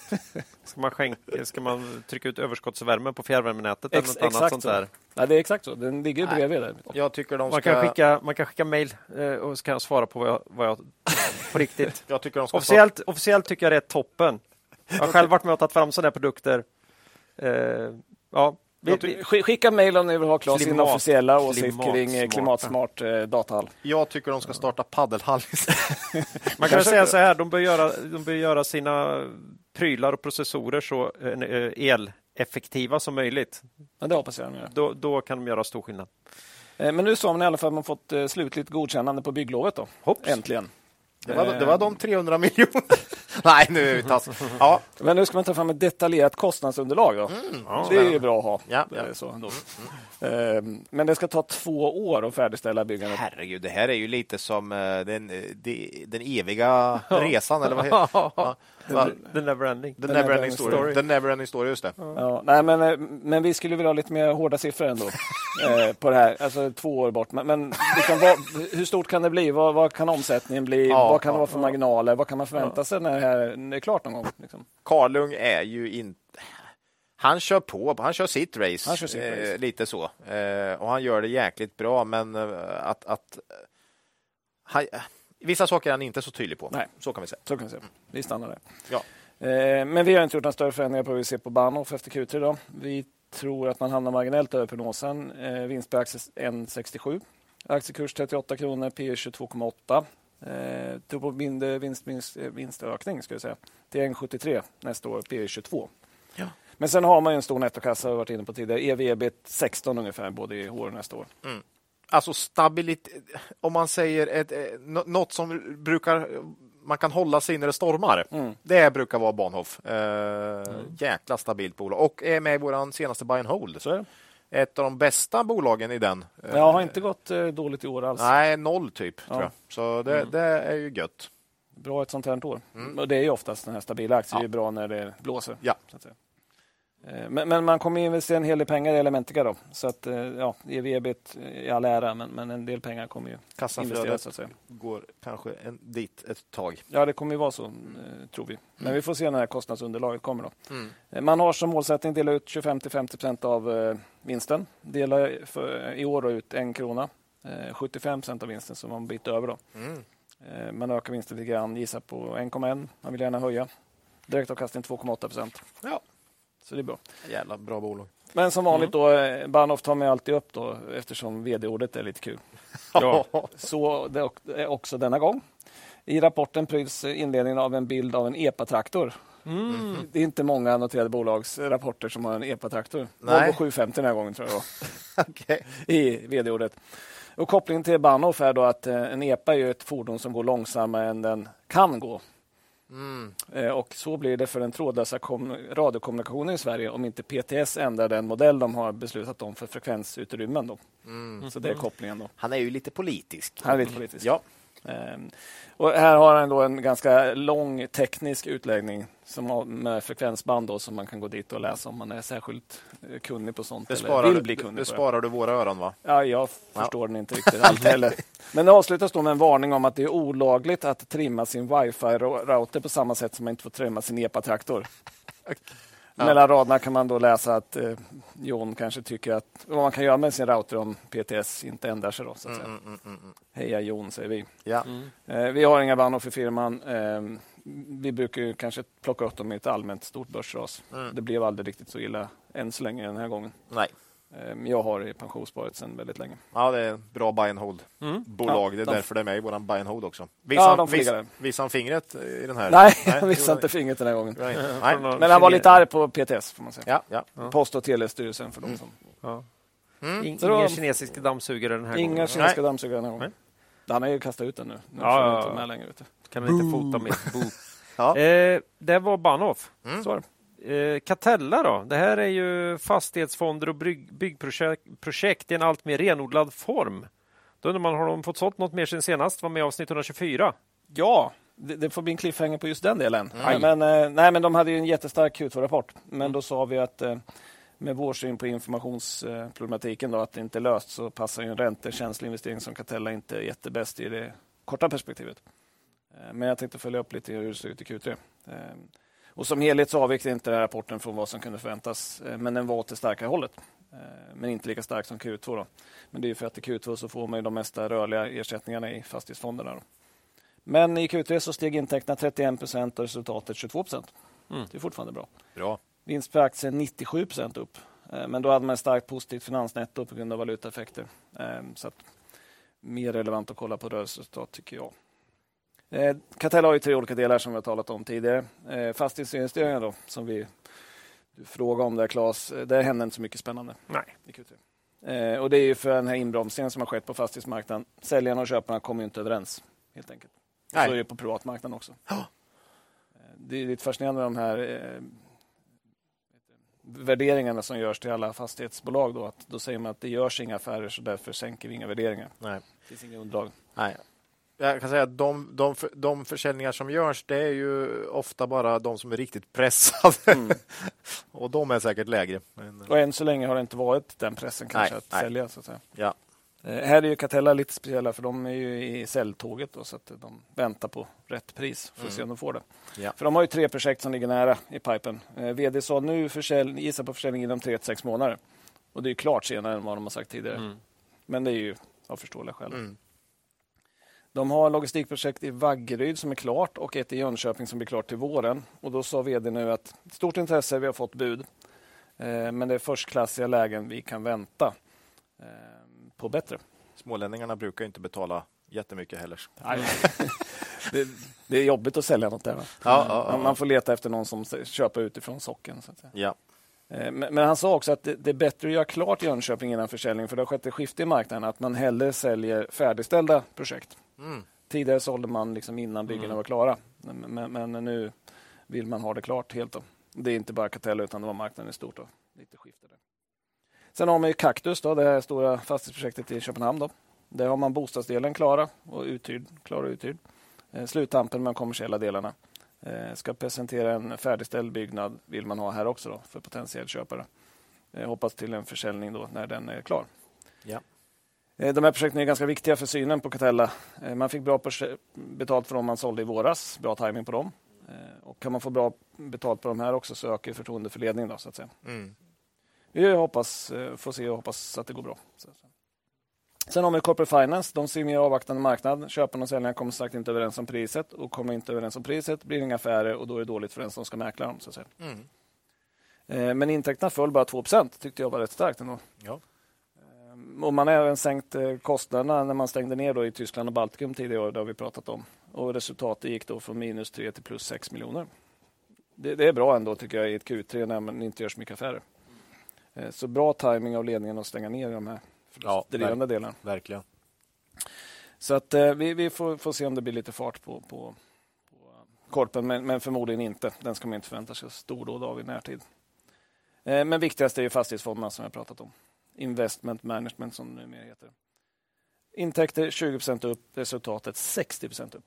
Rörelsemarginal 29 eh, Här är ju bra, man, man skalar ju. Extra positivt är att det var de fasta avgifterna i fonderna som ökar 28% Det fortsätter gå starkt där alltså? Ja, man har ju ökat förvaltat kapital. Fasta avgifterna då 28 upp, rörliga avgifter minus 45 ner då. För det har inte omsatts lika mycket så att säga. Nej. Av förståeliga skäl. Då. Men, men ändå så ökar rörelseresultatet till 60 procent. Det är riktigt bra. Eh, man tryckte på konfkålet att man har nått en, verksam, en nivå på verksamheten där det skalar. Då, för Man behöver inte så mycket med fasta kostnader för att sköta fonderna. Så mer förvaltat kapital ger bättre resultat. Det syns i siffrorna också. Ehm, på konfkålet så var det en diskussion också om hur svårt det är för kunderna att ta ut kapitalet. Då. För det går inte bra om man minskar förvaltat kapital. Då. Eh, VD sa att man kan göra det med att eh, kalla på kapital med 12 månaders notis. Då men att man inte ser något större utflöde. Eh, och att fonderna levererar är det bästa sättet att behålla kapitalet och de går fortfarande bra. Då. Man har en liten kudde där som vi pratade om i tidigare poddar mot marknadsvärdet. Man har inte fått skriva upp värdet Nej, lika snabbt. Den, var ju, den är ju bra. Det är bra när det går dåligt ja, sen. Ja. Men vi får se lite grann. Blir det en stor krasch på fastighetsmarknaden så kommer inte fonderna stå emot heller. Så Ja, vad tycker vi då? Eh, vi har gjort en värdering tidigare som utmynnar i 69 kronor per aktie inom samma parts. Den tycker vi håller fortfarande. Det är svårt att göra en sån här gissning, men, men vi tycker snarare att det gått bättre än sämre sedan dess. Mm. Eh, men det är inte rimligt att tro att det ska realiseras i närtid då, med det här makroklimatet som är just nu med hög inflation och stigande räntor. Det blir en placering för det med längre tidshorisont. Eh, I firman sålde vi resten av Catella när aktien handlade starkt efter Q2. Det har sagt det innan, tror inte det. Okay, nej vi försöker optimera till dem vi tycker ser bäst ut och det passar inte riktigt in med den makrobilden som är. Eh, jag har fortfarande Catella som är den största innehaven i pensionssparet. Tänker vänta in att man realiserar värdena i bolaget. Eh, men det kan ju ta lite längre tid om det inte sker en förbättring på fastighetsmarknaden. Eh, sen kan man konstatera att Catella vid kurs 38 kronor har fallit 19 procent på börsen i år. Det är bättre än index. Det är mycket bättre än alla fastighetsbolag som i princip har kraschat. Så ja, långt bättre. Catella gör det väldigt bra. Ja, men det vittnar om att det... överpresterar i en just nu tuff eh, marknad. Ja, exakt så. så kan man väl säga. Mer kvalitet än i sektorkollega, ja. tycker jag. Mm. Men det är lite vänta och se. Ja. Ändå. Spännande. Så med Catella. Mm. Tackar. Eh, Ola då, G5 Entertainment. Eh, oh. Jag har skrivit The Jewel av mobilspelsbolagen. roligt va? Roligt där. Ja. Ja, hur går det Ola? Eh, Senaste avsnitt 123. Eh, ja, eh, jo, men jag spelar lite, eh, vad heter det nu? Det heter det Jewels of the Wild West. Spelar. Oj. Ja, ja, så jag har är det lite cowboysare och sådär? Ja, ja, visst, visst, visst. Vet du. Så Oj. Det, ja, det är mysigt att sitta och plocka med på, på snöiga kvällar. Och mot ursprungsbefolkningen då? Ja. ja. Ja, lite så. Ja. Det, det, är egentligen bara, man bygger och, och utvecklar en stad med mm. lite olika så här, Western-teman. Jag tänkte man får inte säga det som vi sa när vi var små. Nej, det får man inte göra. Nej, det, men det här är bara, cowboys får man säga fortfarande. Det, det här är mest bara cowboysare ja, skulle jag säga. Ja, men visst, ja. Eh, nej, och nej, ganska trevligt faktiskt. Ja. Eh, förströelsespel. En hel serie har de byggt upp. Mm. Ja, när vi sist pratade G5 här då i avsnitt 123. Eh, det måste ju ha varit efter Q2 då eh, så sa vi att vi trodde på 10% omsättningstillväxt i svenska kronor under andra halvåret 2022. Eh, det tror vi fortfarande på här för ökningen var exakt 10% i SEK i Q3 och det känns rimligt att tro att det landar ungefär där även för Q4. Eh, så, så den, där ligger vi fast då så att säga konstant. Eh, I konstanta valutor var omsättningen dock ungefär oförändrad, säger man, mot föregående år. Mm. Dollarn har ju gått väldigt starkt mot ja, egentligen alla Eh, valutor. Ju. Mm. Eh, så ja, man växer inte, men det här är ju egentligen så att G5 och här måste man väga in att hela mobilspelsmarknaden generellt har haft det ganska tufft i år. Eh, motvind helt klart. Folk spelade mer än vanligt under pandemin ja. med de restriktioner som fanns och eh, ja, man satt hemma och funderade på vad man skulle göra och då plockade man upp mobilen och spelade lite Jewels of the Wild West. Va? Och köpte lite smurfbär. Köpte lite sådana grejer. Ja. Eh, diamanter som man kan mm. unlocka lite grejer. Och så, så. man kan få spela vidare. Ja. Det är det smartaste de har gjort. Mm. Eh, där att tiden liksom tar slut. så att man kan få spela snabbare va? Nej, alltså, du får inte spela mer. Nej. Nej nu får du vänta. Här. Ja, jo, men det jag menar. Du får vänta ett ja, dygn. så du kan spela igen. Ja. Ja, snabbare, Antingen väntar du ett dygn eller... Ja. Eller två timmar kan det vara. Eller, eller så betalar du lite diamanter. Eller vad det nu. Ja, för det kostar nämligen men jag vill spela tio nu, diamanter. Jag vill spela nu. Ja. ja och har du pandemi då, sitter bara... Men, ja. men, men, vad ska jag göra? Men då? nu kan du istället då säga att nej, men jag åker väl in till till stan och handla lite. Ja, och som tur är har de ett speciellt eh, Thanksgivings, Thanksgivings-erbjudande på de här pumpadiamanterna så att det ja, blir ja. inte så dyrt. Ja. Eh, G5 har eh, precis som marknaden tappat här i, eh, i konstanta valutor. Då under året. I SEK är dock omsättningen faktiskt upp 5% under året. Men som sagt, det är ju för att eh, dollarn har stärkts mot SEKen ja. framförallt. Och de andra, andra valutor med. Man har ju mycket försäljning USA. Ja, hälften mm. är det ju åtminstone. Eh, I Q3 ökade det för närvarande mest framgångsrika spelet Sherlock då eh, intäkterna med över 100% jämfört med förra året i dollar då alltså. Det ja. ja så det är i, liksom i det är lite stökigt om man hela tiden ska säga alla valutor. Liksom. Ja, sekventiellt och alltså jämfört med kvartalet innan så var ökningen 13 procent. Ja. Spelet står nu för 23 procent av intäkterna. Eh, förra året 10 procent. Det här visar ju lite på det här eh, hur, hur mycket det kan öka om man får till lite en träff, ja. så att säga. Eh, och det är ju de här spelen som de hela tiden jobbar för att få fram. Mm. Faktiskt. Juels-familjen som jag var inne på här då, det är ju tre spel tror jag. Står för hela 31 procent av omsättningen. Mm. Eh, så det är ju också viktigt. Eh, både Sherlock och Jewels är ju den här nya generationens spel då, framtagna G5 under senaste åren och av dem själva. Eh, vi tycker ju ändå det här, i och med att det blir en så stor del av, av omsättningen här för G5 nu, så tycker vi det här ändå bevisar att deras egna spelutveckling faktiskt eh, fungerar. Då. Mm. Eh, nu kanske man vill ha fler och ännu större hittar såklart, men det är ju ett lite, det finns ett litet lotteri eh, inslag i det, inslag i det här. Det är inte, hade de vetat vad, de, vad, som var en hit så skulle de ju göra ja. det. Men helt plötsligt så blir ett spel en hit eh, och det är lite svårt på förhand att veta helt enkelt eh, vad som kommer slå hårdast. Sen är det ju jättekonkurrens i branschen och ja. alla sitter och tittar på de spel som är framgångsrika och så försöker de göra dem ganska snarlika. Ja. Och hoppas att de kan få ta de kunderna. Precis. Eh, det, det, fördelen är väl att om du får in massa kunder så är det ganska troligt att de fortsätter spela det spelet. Mm. Så då är det inte så lätt att kanske få över dem. Då. Ja, man har ju såna här längre svansar än man har kanske på många andra ja. spelgrupper. Ja, intressant är ju att Hidden City till exempel, eh, ett av deras största spel, det är ju väl tio år typ. Ja, det så det är ju oerhört mycket längre än vad jag i alla fall trodde när jag började titta på mobilspel som investeringar. Då trodde jag att det var mycket kortare cykler. Men det är ju för det är lätt att få ut såna här uppdateringar, lite ja. nya events och sånt. Och det gör man ju ganska kontinuerligt i de här spelen, eh, uppdateringar då. Jämfört med liksom när vi var små, man köpte ett spel och så hade man det spelet. Ja. Och så var man klar med det och då fanns det inte mer att göra. Liksom. Precis. Var det en bugg så var det en bugg. Ja, ja dels det, men, men det fanns inget mer att göra. Nej. Eh, egna spel, och det är ju lite det som är våran, en av våra investeringscase här, att egna spel blir nu en allt större del av omsättningen. I Q3 var siffran 73 procent. Och det här då hjälper, som jag sagt förut, att höja bruttomarginalen för G5. Och den var nu uppe på rekordhöga 68 procent. De behöver inte ge bort lika mycket längre. Nej, de behöver inte så, så, att det blir ju en, med samma omsättning då så blir det mer vinst så att säga. Ja, vi gillar mer vinst. Vi gillar mer vinst och vinst per aktie då.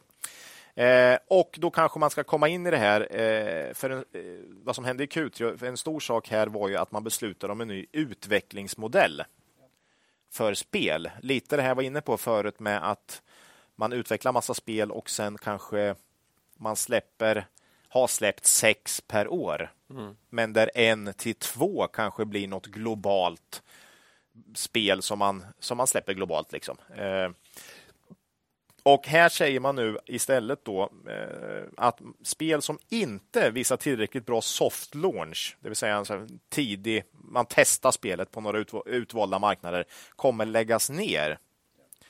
Eh, och per år tror man att cirka 56 spel som jag sa kommer nå soft launch och kanske en till två kommer nå global framgång som man kommer satsa och sprida globalt då, och, och lägga team på.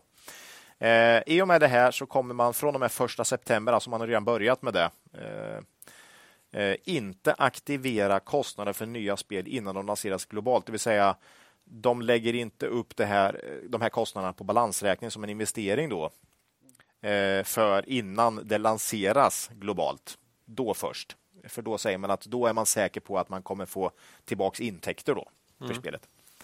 Eh, effekten av det här kortsiktigt då blir att man kommer kapitalisera i lägre omfattning samt att lönsamheten på pappret då kommer bli eh, lite lägre. Kommer dock eh, klinga av under kommande år, säger man själv. Man trodde på att det var till, liksom flat efter två år. Kassaflödet kommer inte påverkas. Nej, det blir närmare mellan kassaflödet och Mycket närmare mellan kassaflöde och resultat. Eh, positivt här är, tycker vi, då att balansräkningen blir mer clean eh, och tar ner ett riskmoment, helt klart. Eh, man är också övertygad om att man i och med det här kommer effektivisera utvecklingsprocessen för nya spel och mer säga att nej, vi tror inte på det här. Det kommer inte bli en global hit då, då slutar man helt enkelt eh, direkt och kan lägga eh, resurserna på, på det man känner är framgångsrikt. Liksom. Så det tror jag på. Eh, den här nedskrivningen man gjorde nu då i Q2, Q3 var 72,5 miljon och det var ju då för att harmonisera med den här nya modellen så att man liksom mm. ligger, ligger där man ska nu. då. Så det påverkar ju såklart vinsten rejält, men det är ju en engångsnedskrivning så att säga. Eh, justerar man för nedskrivningen landade ebit på 50 miljoner ja. i Q3, ner från 56 förra året. Justerad ebit-marginal landade på 13,8 procent. Och här gör man faktiskt ett undantag nu och guidar för ebit-marginal i Q4 eh, för att liksom ta ner lite osäkerhet om den här nya modellen och hur den... Det är ganska svårt att veta annars. Ja, kommer slå då. Och då säger man mellan 13 och 15 procent ebit-marginal i Q4 och man låg ju på 13,8 här, så det är ju liksom i nivå med med Q3. Då. Mm. Eh, ja, så man får väl gissa på där någonstans. Vi uppskattar ebit till cirka 50 miljoner även i, i Q4. Då. För 2023 då, eh, för det här har ju varit ett ganska jobbigt år för hela branschen. Eh, 2023 så ser jämförelsetalen för G5 och branschen betydligt beskedligare ut ju. Mm. Eh, I och med att branschen har tappat och man är tillbaka från den här pandemiboosten.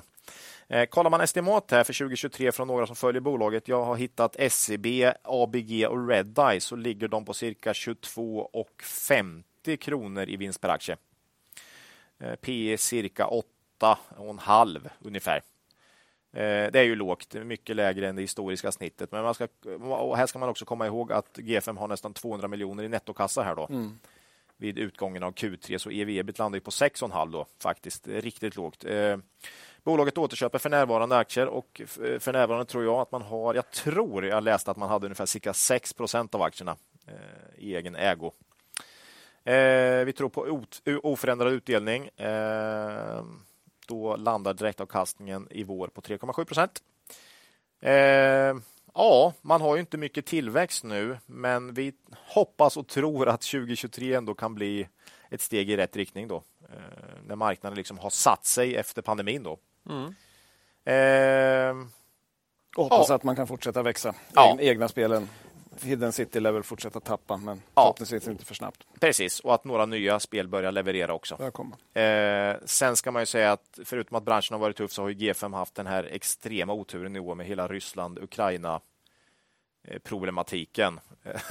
så det har verkligen varit ett, eh, ett mardrömsår för G5 Entertainment ju, som har haft sin personal i Ryssland och Ukraina egentligen. Eh, Sen har man ju möjlig kicker i lägre eh, avgifter till Ja. de här, eh, ja, eh, Google och Apple. Ja. Och även att man kan flytta mer till eh, eh, G5 Store. mm, Kanske precis. öka annonserna också. Ja, Så det finns lite sådana. Jag tror att eh, ja, det känns också som att Ryssland och Ukraina har påverkat lite lönsamheten under året. Borde ha gjort i alla fall, Mm. annars eh, ja. Då, nej, men, Ja, du har ju den här med rubel-effekten Ja, också. Att också. rubeln gått upp. Liksom ja. nej, men man har omlokaliserat en hel del personal och fortsätter väl med det. Men förhoppningsvis kan den situationen bli bättre 2023 än 2022. Då. Eh, nej, men vi tror väl, precis som SEB, och ABG och Redeye här, att 2023 har goda förutsättningar för att bli ett betydligt bättre år för G5 och eh, vi tycker att man gör mycket rätt här ändå eh, och att värderingen är väldigt låg. Vi har köpt ännu mer aktier faktiskt efter Q3 där. Ja, det var ju väldigt negativ ja, utveckling på rapportdagen. Ja, Fast vi, köpt- tyckte att det inte var så farligt. Nej, precis. Vi, vi gillade snarare den här eh, engångsnedskrivningen där. Eh, Ja, vi tycker att det var vettigt att göra den och Ja. vi tycker att man kan se den som en lite engångs. Ja. Sen studsade aktien ganska kraftigt. Frågan är om lite blankare täckte där tror jag. Eh, Jag tror de återköpte lite också. Så det, Ja. Kombination kanske. ja. Mm. Och vd har köpt en mer såg jag. Ja. Så att eh, Ja, Jag får se. ja, Spännande. spännande case. Mm. G5. Det är om G5. En kapfavorit, Mm. uppenbart. Ja. Eh, Harvia då? Det är också rätt årstid för känner jag spontant. Bastuaggregat med mer från Finland. Var ju med i avsnitt 125 så det var inte länge sedan. Ja, nej, precis. Då var vi nykomlingar. Så Japp, gå dags tillbaka. att följa upp lite. Bastu och mobilspel. Det är en riktig vinterpodd idag. Alltså. Ja. Ja. Fast man ska inte spela i pastun tror jag inte. För det, det brukar har vi inte telefonerna gilla. hur Så. stor andel av Rovios eh, spel som är utvecklade i en bastu. Det har vi inga. Ja, det tror jag, data. måste, 50 procent minst. 50 procent minst. Eh, Ja, nej, men gå tillbaka till 125 för mer utförlig information. Då. Eh, Men vi, vi sa bland annat att Harvey är ett fint bolag. Eh, men på kortare sikt finns det utmaningar relaterade till energipris, postpandemieffekter och nedstängning av verksamhet i Ryssland. Då. Eh, och att det är verkligen inte lätt att veta hur det här ska utveckla sig. Eh, men, men hur såg Q3 ut då? Jo, nej, men i Q3 så var omsättningen 37,4 miljoner euro, minus 18,9 procent. Valutaneutralt 23, organiskt 19,6 minus. Då. Det var minus valutaneutralt också. Eh, här ska man komma ihåg att Harvia var ju väldigt gynnad av pandemin, som vi var inne på. Väldigt svåra jämförelsetal. Ja, G5 var gynnat så var de ännu mer. Ja, eh, Q3 förra året växte man 65 procent. Ja, herregud. Det är ganska jobbigt att gå upp mot det. Usch. Eh, Men jämför man då med Q3 2019, då, det vill säga innan pandemin som vi har gjort i ganska många case, eh, så är omsättningen upp 118 procent. Ja, det är ju snyggt alltså. Så det är ju ett Otroligt. lite annat perspektiv. Ja. Då är det en del förvärv i, men, ändå. Det, är väldigt, eh, ja, det har gått bra ändå för Harvey. Eh, Bolaget sa i Q2 att man tror att försäljningen kommer gå tillbaka till mer normalt säsongsmönster. Då, där Q4 Q1 är starkast. Då, När man vill ha bastun. Det har Så också, det kan vi säga att precis det tror G5 också. Ja, ja, men det är väl gemensamt för mig, Ja. pandemi. Pandemin ställde till det lite i normala Med mönster. säsongsmönster, ja. Mm. Eh, Så vi, vi får se. Det blir intressant i Q4 och se om det verkar bli så. Också. ja. I- ni, båda. hur ser ni på vintern än så länge? Gör ni det som ni brukar göra på vintern eller? Du menar slask, Har- har du- slask, slask omkring Ja, vi- vi har- och frysa? Vi har ju inte haft eh, lika tuffa restriktioner i Sverige som i många andra delar, så att här kanske det inte har varit riktigt lika. Mm. Men ändå, eh, jag vet inte, känner ni något? Att det är ba- back to normal? Alltså det, jag tyckte det var så jäkla normalt här hela tiden. Ju. Man skäms ju nästan när man pratar. Man har ju ändå en del kompisar som är Ja. spridda över världen. Ja. Och de här stackarna liksom, som är åt Kina-hållet, det är ju, det är ju så sjukt. Så Ja, att. Har ni sett bilderna från kinesisk tv? Nej. På ja, I VM. omgångar ja. Nej, men på, på VM. Alltså, Ja, VM. Bilderna från VM som sänds i Kina har de blurrat ut publiken för att folk inte ska se att de sitter med utan munskydd.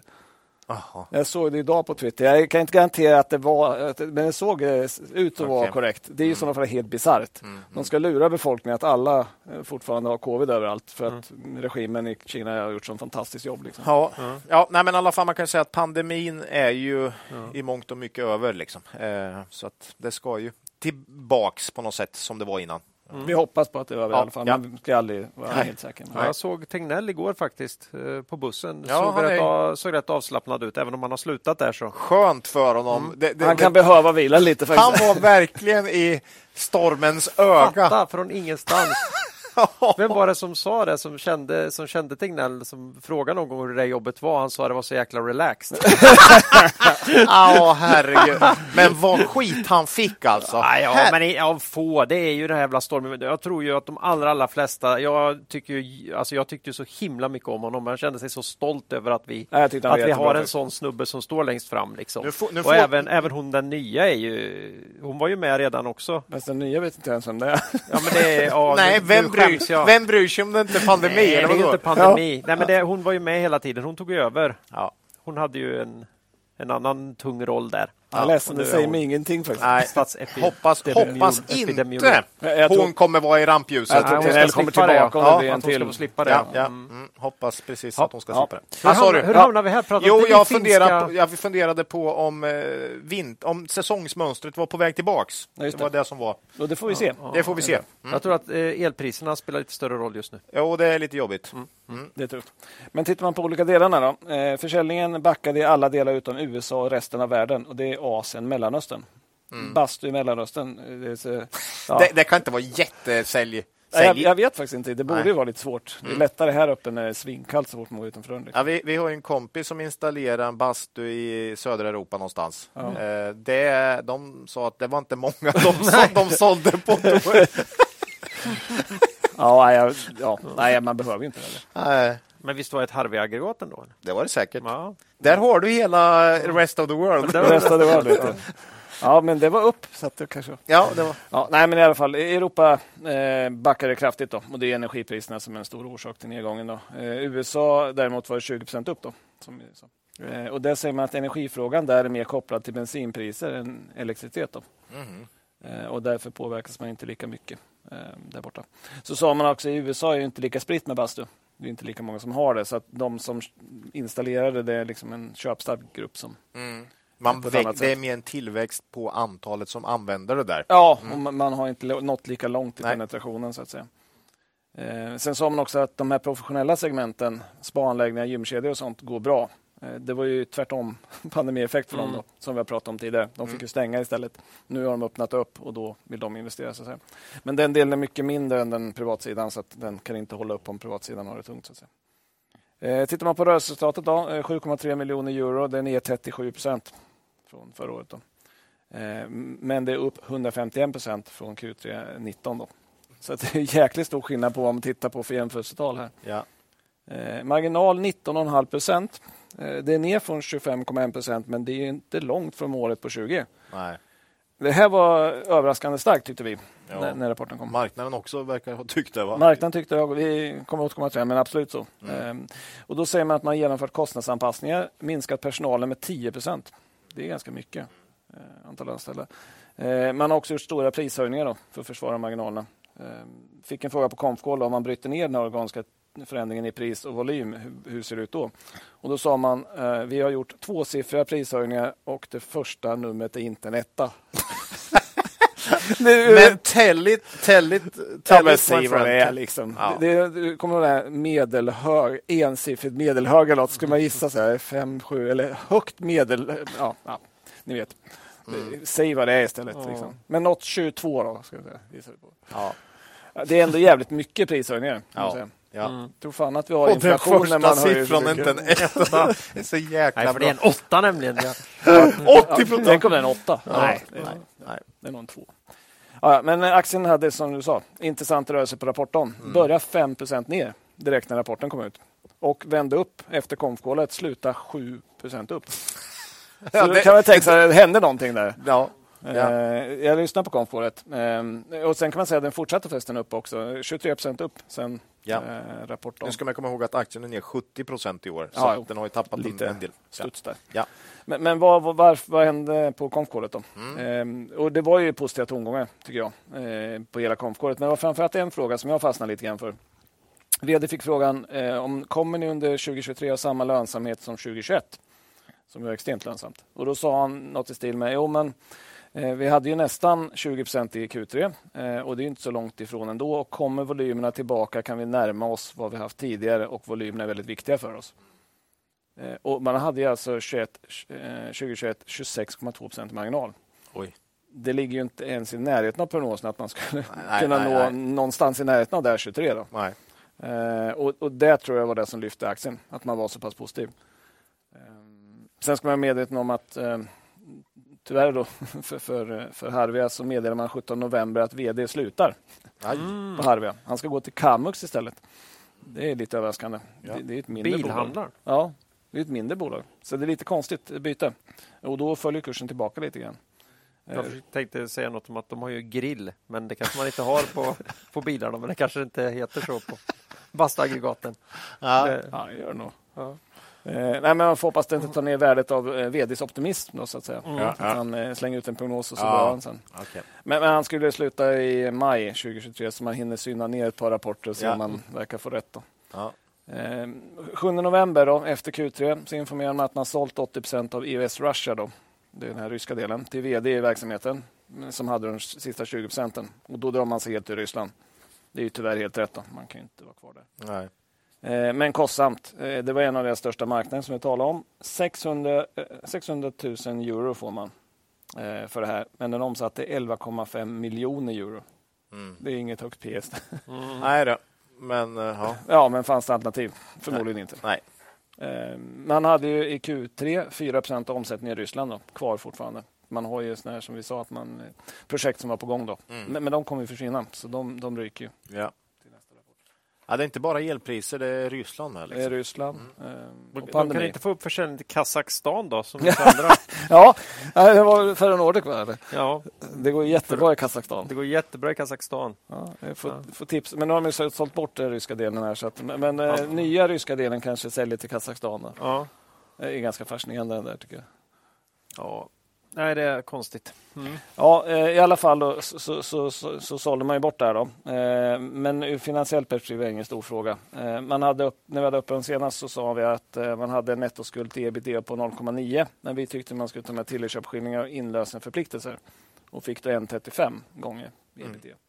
Mm. Nu har man betalat ut de här då och säger själv att man ligger på 1,3. Och då har vi ungefär samma där. Ja. Och det är en bit under målet på 1,5 till 2,5 och man har fina marginaler, bra kassaflöde. Vi är inte oroliga för balansökningen i Harvia. Eh, så vad tror vi då efter Q3? Ehm, lite under vår gissning på omsättningen men högre eh, på, resultatet för att marginalen var bättre än vad vi trodde. Man, man stod emot bättre helt enkelt. Eh, man har ju ett par riktigt jobbiga kvartal kvar. Då. Men det ser inte ut att bli den här marginalkollapsen som vi har sett i Thule. Då som ju hade vinsten ner extremt mycket. Då. Jäkligt svårt att veta vad lönsamheten landar på när omsättningen minskar så ja. kraftigt. Man blir ju ändå imponerad. Det, alltså. och det var därför den steg tror jag, ja. sen till slut. Ja. För man såg marginalen var bättre än man trodde och att man kanske var optimistisk om vad det kan bli framåt. Då, så att säga. Eh, men som du sa också, aktien har ju gått ner 69 procent i år. Ja.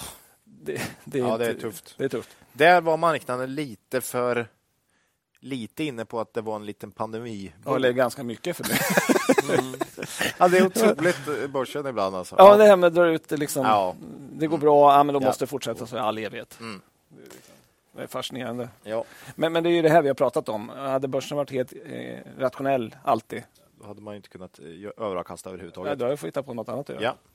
Vi kunde hitta på Då hade indexfonderna också. gått starkt kanske. ja, alla hade varit indexfonder. Ja. Mm. Ja, nej, så ser det inte ut, så det är bra. Ehm, I alla fall, då. Eh, vi skissar på en vinst per aktie 1,5 euro ungefär. Kurs 17,6 som det var när vi gick in och började spela in. Så P 11,7 bakåt då. I princip eftersom nästan hela 22 gått. Eh, nästa år gissar vi på 1,34 P 13,1. Mm. Inte så farligt. Nej.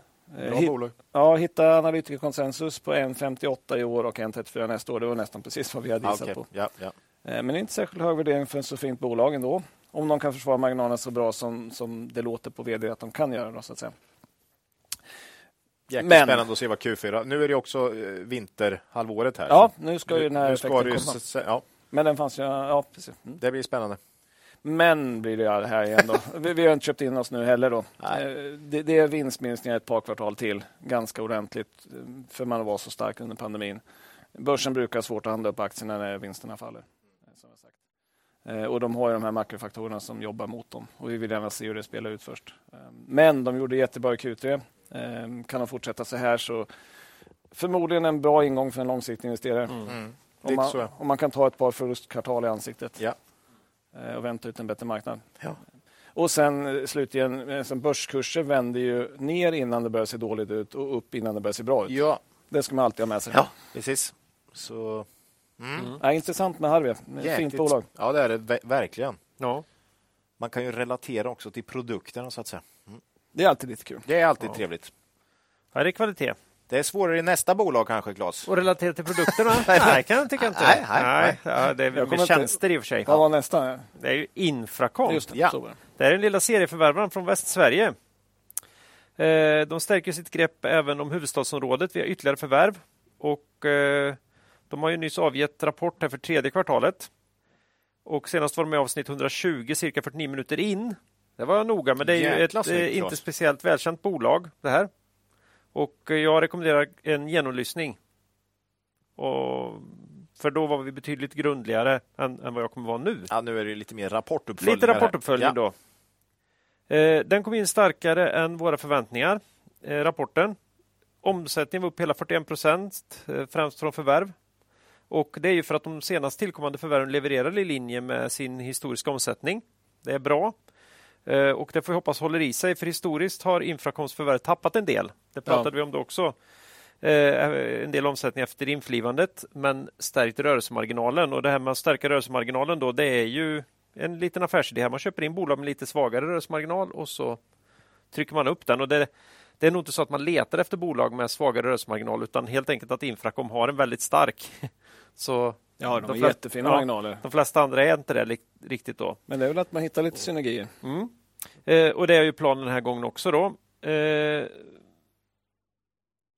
den förvärvade tillväxten var ju helt okej okay här och rörelsemarginalen trots det här då är 19 procent i kvartalet. Mm. Och eh, det är ju lä här, här ska man säga att bolaget har ju då ett mål på 15 till 20 procent i rörelsemarginal. Men, men, men under 20 tror inte jag man vill vara. Så jag skulle vilja tippa att det inofficiella målet är nog över. Ja, man har ju varit över eh, ganska ja. länge. Ja. ja. Över det. Och eh, mm, Det är 2% lägre än vad man hade i jämförelsekvartalet om man hade 21 mm. Och eh, VD Bo Kjellberg, eh, Kjell, Kjell, vad heter han? Kjellberg heter han ju. gillar att sätta upp eh, mål som är möjliga att slå. Eh, så... det finns olika skolor där. Ja, men det har han ju varit ja. tydlig med. Ja. Samtidigt är det, är högt mål, 15-20. Ja, det är ja. verkligen. Men, men jag tror att han vill ligga över 20 igen ja. inom, inom kort. Eh, och eh, man har ju svårt att växa organiskt. Det har både vi, men bolaget själva konstaterar det också, så det är inget. Eh, så man kämpar på med mindre förvärv då.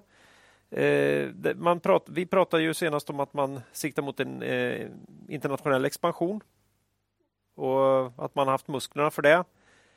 Men eh, ja, samtidigt är man ju beroende av sina förvärv, så hittar man inte den här möjligheten så, så, så ångar man på här då med tre stycken istället i Sverige, varav två i Stockholmsområdet. Och ett av dem dessutom har eh, nätinfrastruktur här. Var väl inte så små heller? Va? Nej, nej. nej det, här, det här är ju större än vad man brukar. Ja, jag menar, det var ju omsättningar det... över 50 miljoner och ja, sådär. Så att, att, eh, ja, det kanske var hårt. Ja det var lite jämfört med det här att, att han pratade om att han verkligen vill börja bygga ett stort bolag. Ja, han skulle ett, stort ett, ett jättestort. Mm. Så, ja, så det är ordentliga förvärv, det är det ju. Eh, balansräkningen går i och med det här från stark till okej. Okay. Mm. Kan vi säga det? ja. eh, och efter förvärven har man en nettoskuld genom ebitda som är strax under ett fortsatt. Ja. Mm. Och här, här har man ju bra återkommande intäkter, så det är ingen fara. Eh, aktien har stärkts en del sen senast. Eh, de är 10% ner på börsen i år. Det är inte farligt. Är Just farligt. nu kan jag säga minus 2 procent. Aj. De är upp 4 procent här idag också. Aj, läckte ut här att... Nej, jag bara skojar. eh, Nej, men det är, det är starkt. Ja. Redeye har uppdragsanalys på bolaget. Delar vår gissning för 2022 när det gäller ebit. Vi tror båda på 70 miljoner kronor. De är lite offensivare än oss för nästa år, 2023. Då. De tror på 90 miljoner då ebit. Vi vågar väl inte riktigt, riktigt gå hela vägen dit och allting handlar om Ja, de tror ju att eh, man kommer att komma tillbaka till en rörelsemarginal strax över 20 procent igen. Ja, man har ju 15 till 20 procent. Jag har svårt att gå över bolagets egna mål. Ja, lite så. Eh, så vi det är alltid lite svårt. Vi har ju pratat om det här. Ja. Bolag som ligger över sina egna mål. Ja. Är det målen för låga eller ska man ner dit? Ja, och, och ja. Hela den här diskussionen med Byggmax på 70 kronor. Mm. När de ska liksom säger om fem år ska vi till en nivå som är lägre än idag. Ja, och de har ju tydligt gått ner. ja, så, så, där var det ju rätt att inte tro att det var ja, uthålligt. Ja. Ja, det är lurigt. Och, och eh, VD Bo här har ju sagt att de klarade sig väldigt bra. Senaste var lite jobbigare. Senast var lågkonjunktur och det tror jag. Man har ju tjänster här alltså som är helt avgörande för bolagen. Det är den sista fakturan du slutar betala för din telefoni och din, din, data, din datalösning så att säga. Men ja, eh, vi, vi, vi, antar att han lägger sig runt 20 någonstans. Då får vi vinst per aktie på runt 2 kronor nästa år eller för de kommande 12 månaderna. Det är ett P på 13 lite mer, eller ja nu är det ju inte det då. Nej, det, Nej, kanske är 14. mycket här idag. Mm, mm. Precis. Eh, så att, eh, ja. Så Något farligt så. ändå, men, men det är alltså, vi, vi, har, vi har sagt mycket att vi, annat som... Ja. Eh, bolaget har vuxit i snitt 12 procent per år, omsättningen de senaste fem åren. Bra. Men eh, vi kanske kan ge det P15. Det är ändå men det... samtidigt en miljard snart i börs. Nej, 805. Mm. Ja, men ändå. Samtidigt låg organisk tillväxt, liksom. Mm. Ja. ja. men 14-15 ja. ja. Kanske hyggligt rätt ändå. Men... Mm. Så innan vi gick in i studion här då så hade vi ju lite mos i alla fall. Ja. Men eh, den blir bara mindre och mindre här uppenbarligen. Det är tio aktier omsatta där kan vi säga. Ganska idag. rätt. Så det, det, det, tio aktier ja. Ganska, så, rätt, så, så ganska, rätt, inte... ganska rätt värderat. Jag sa att det var 15 procent mos då. Mm. Men ganska tunn handel. Kan säga. Mm. Tunn handel, ja. Kanske 10 nu då. Ja. Det är mycket annat som är billigt just nu. Men det här är ju ett hyperintressant bolag och att, att uh, man fortsätter att hitta de här förvärven mm. och ändå har så pass bra balansräkning här. Ja, de har levererat sen vi började följa dem. Ja, så att det är intressant. Och ja. uh, kan det vara något för byrålådan kanske? Mm. Vi får se. Mm. mm. Spännande. Uh, jag har i alla fall tryckt in där i pensionssparet redan. Fy fan, snyggt. Ja, det har faktiskt inte jag gjort. Nej. Eh, jag köpte tio aktier precis. Nej. men, men, men nej, det där var skoj. Ja, det var skoj, skoj, skoj. Ja, det, det, klipper du bort. Det, det nej, det klipper jag. Nej, det gör du inte. Det var Eller så blandar du ihop det med Innofaktor och så köpte du det. Ja, just det. det blev fel. Den, har ni gjort ja. det någon gång? Köpt fel bolag? För, uh... Ja, Volvo. Solklart. okay, vad, vad skulle du köpa? Jag, köper ju, jag skulle köpa bilarna och köpte lastbilarna. Ah, du köpte last... Eh, okej. Okay. Eller du trodde att det var Du trodde att det var Volvo det var Cars, men ja. det, var det i... i uh... Ja, det gjorde jag där med. I trading? Det gjorde jag där med. Aha. Fast det var, ju, det var ju den första affären jag gjorde. Och det var ju för att jag inte... Ja, det var investera SM eller? Nej, jag har gjort det på riktigt också. På riktigt men investera SM gjorde jag det, men där var, det var ju för att jag inte fattade. Alltså det, det var ju produkten som lurade mig. Jag hade ju både och. Ja, det, det visade sig att det man fanns... måste läsa på ja. om produkten också. Mm, mm, mm. Det visade sig att den Volvo Cars-produkten jag trodde fanns inte. Ah, okay. mm. Nej, ni hörde om han som, som uh, köpte SAS, trodde det var ett SAS. Uh, ja, det är ju roligt. den, den... Fan, de, heter, det det, de heter till och med SAS liksom. ah. ah, ja, nej, den är rolig. Nej, men, uh, in, Infracom, uh, jätteintressant. Uh, verkar som att andra också tycker att det är intressant. Mm. Nej, Skapligt. gör det bra. Vi, vi, har några lite mindre bolag som vi följer som faktiskt har haft eh, ganska intressanta år här och levererat mm. bra. Vi snackar ju om Waystream. Ja, klart bättre än Index. Ja, ja. Waystream har gått mm. fantastiskt bra. Mm. Ja, ja. Fint bolag. Gött. Mm. Eh, vi... Det om Infracom. Infracom. Mm. Då är det dags. Vad kommer vi till nu då? Ja, för något annat. NGS nämligen. Mm. Jaså? Eller är jag fel ute? Är det Nordnet kanske? Brukar inte K komma före? Jaha. Har jag gjort fel här? Kabe då? Saknar jag Kabe i min lista? Jag saknar dem kanske ja. helt. Du, Nej, de... Oh. Du struntar Kabe. dem. Ja. Kabe, Kabe, vi Kabe, kör Kabe, lite, Kabe. lite husvagnar emellan. Ja, det får jag. En mm. liten uppdatering från en camping nära dig. Mm. Senast med avsnitt 126. Ja, Tack Marcus för att du efter, or, ordnings... Efter Q2 var de med. Så att, mm. eh, nej, men vi, vi konstaterar att KABE är väldigt lågt värderat eh, och det tror det beror på den här utmanande makrobilden. Stigande räntor pressar konsumenten. Eh, då är kanske inte tunga kapitalvaror är det första man köper. Och då kan man tänka sig, det här måste väl börja synas i KABs Q3 då? Ja. Ja. Katastrof. Ja, ja. det tycker jag faktiskt inte. För att i, i Q2, då, om man går tillbaka till den rapporten, så föll KABs omsättning, men det var helt relaterat till Adra. Mm. Resterande delar växte 2 eh, Man sa då att Adras problem berodde på produktbegränsningar eh, och att leverans hade skjutits på framtiden. Och då sa vi det att det kanske syns i Q3 då de här eh, för, för, för, förskjutna leveranserna. Du menar produktionsbegränsningar? Produktionsbegränsningar, ja. vad sa jag för någonting? Produktbegränsningar och jag börjar fundera på... Eh, Nej, det, var man, det var att man inte kunde göra dem. Ja. Så att, eh, och då är det produktion, så det rätt. Ja. Nej, men I Q3 då, så steg Adias försäljning 83 procent. Så det verkar som att man fick den här boosten ja. från Q2 då, mm. eh, hamnade i Q3 istället. Då. Eh, och det fick påverkan på hela KABE, växte omsättningen 20 procent i Q3. Eh, och det är starkt för att förra året, då, igen då, lite pandemi, Eh, på slutet där så växte man 81 procent. Starkt att växa 20 procent från det. Eh, och igen eh, från Q3 2019, då, innan pandemin, 89 procent upp. Så det, det var starkt i Q3 tycker jag. Eh, skriver i rapporten under perioden har branschens stora konsumentmässor ägt rum eh, och intresset för produkter har varit fortsatt stort. Och den mässorna är lite intressant då, för att de har inte kunnat haft under pandemin. Nej. Samla massor människor i en stor lokal. Det var inte... Typ och, och, och, när du tänker att nu kan det bli då trycker du in dem i en liten, liten husbil. Gå in och kolla liksom, husbilen. Liksom, i, knö emot varandra. man möter varandra ja. i ingången och liksom... Ja. Ja. det, det, fick man inte hålla på med. Nej, det fick man inte hålla på med. Men nu får man göra det. Eh, och det här är en viktig försäljningskanal för den här typen av produkter. Man vill gärna in och sätta sig och provligga det kanske. Något sånt. Mm. Men i alla fall, så, att, eh, så det är bra för försäljningen. Eh, man hade ett rörelseresultat på 70 miljoner, marginal 7,2 procent.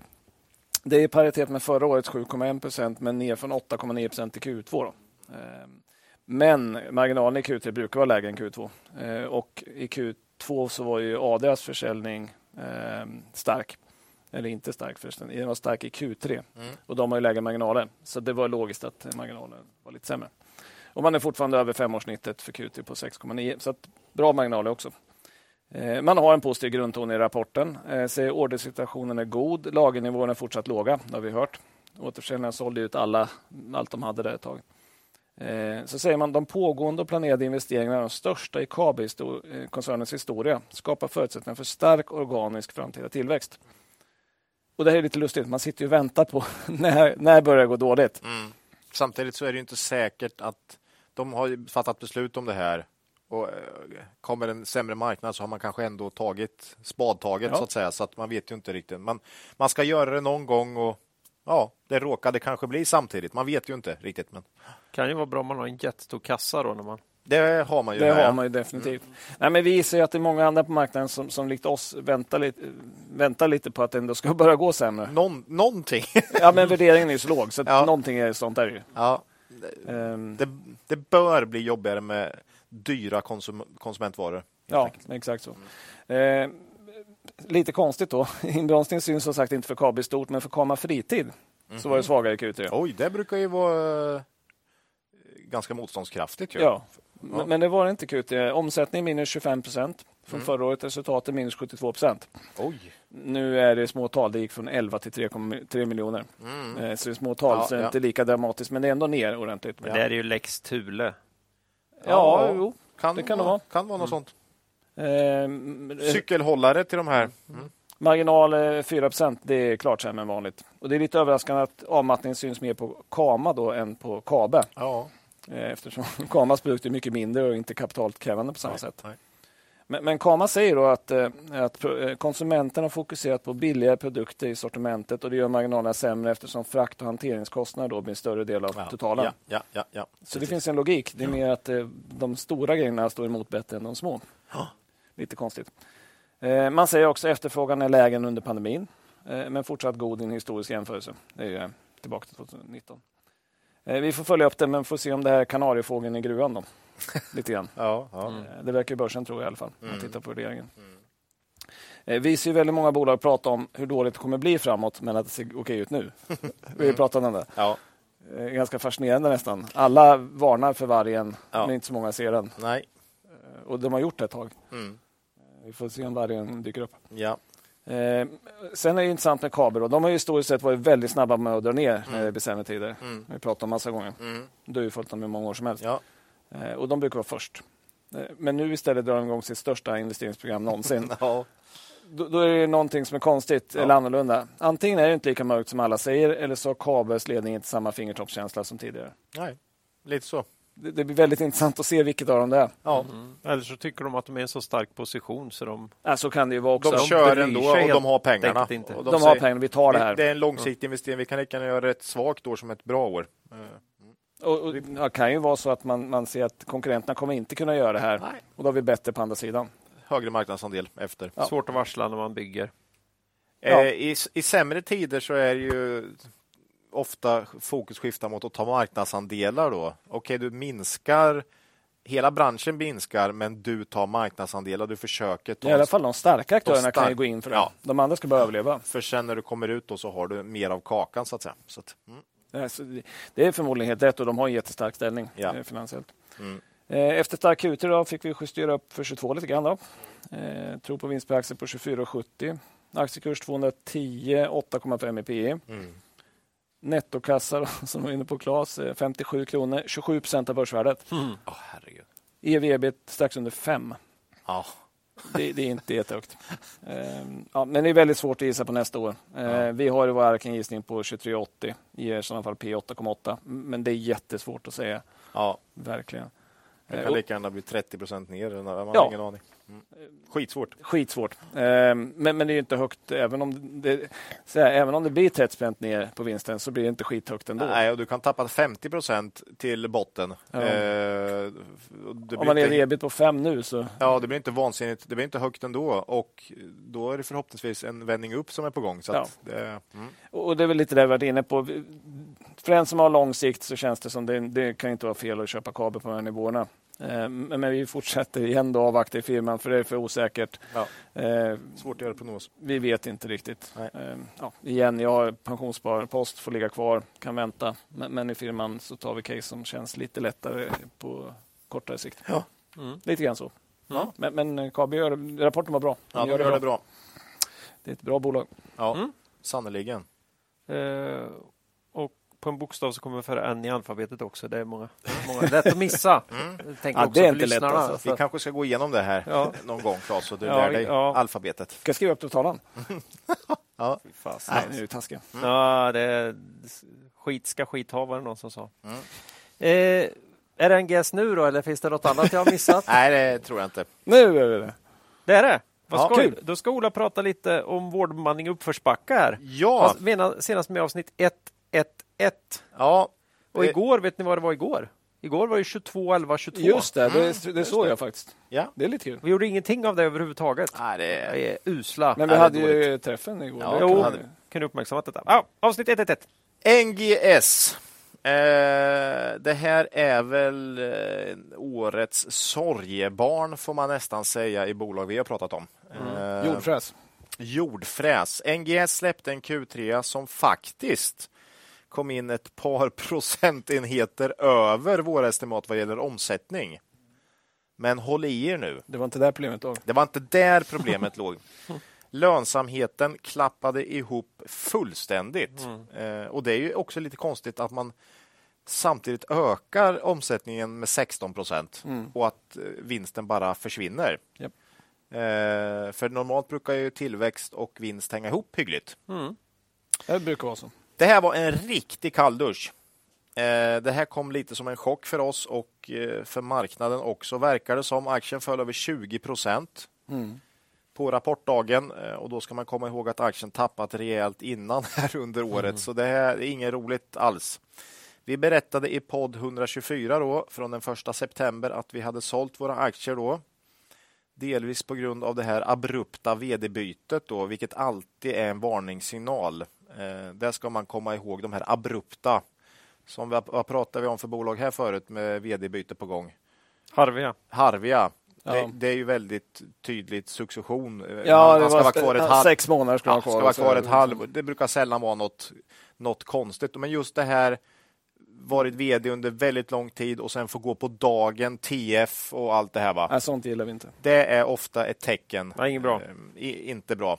Det visar sig kanske vara lite tecken här också. Kanske har skrivit, här verkar det ha varit så. Skrivit på ett ganska dåligt avtal här Eh, någonstans. Men det var absolut inte bara det. Vi såld, hade sålt en del innan eh, vd-brytet eh, offentliggjordes här. Eh, det var också väldigt mycket för att mycket annat på börsen hade gått ner under första halvåret 2022 och eh, vi tyckte att det fanns mer kvalitativa bolag helt enkelt till bra priser. Mm. Och ska vi vara ärliga här, vilket man ska, vi ska man vara ärlig. Tyck, Det är ofta Var ganska är bra. Det är ofta ganska Var det, bra. Ola? Var det? Var det? Det så var väl. NGS ett bolag vi köpte in eh, under 20, eh, 2021 för att vi hade lite svårt att hitta lågt värderade bolag. En, eh, NGS var i alla fall lågt värderat. Det var de. Eh, men ser man på femårshistoriken så hade ju inte bolaget presterat tillräckligt bra egentligen. Eh, Det är ju bara att gå in på börsdata så ser man. Ett klassiskt value trap skulle jag vilja Ibland säga. ska det vara billigt. Ja. Eh, Ett bolag som ser billigt ut på nuvarande vinst presterar dåligt och blir ännu lägre värderat. Det är ju ofta värdeinvesterarens vanligaste misstag. Fallgrop. Ja. Eh, och det här blev ju såklart en felinvestering och NGS är ett av våra sämsta, eh, en av våra sämsta investeringar senaste året, utan tvekan. Eh, mm, Jag, jag har ju en teori här, får Ja. jag lyfta den just om att vi har ju tycker väldigt, eller har tyckt väldigt bra om Dedicare ju ja, Och de, de sprang ifrån oss lite där. Vi var lite oroliga för, ska man verkligen tjäna så här mycket pengar i Norge? Kan man ha de här marginalerna? ja, ja.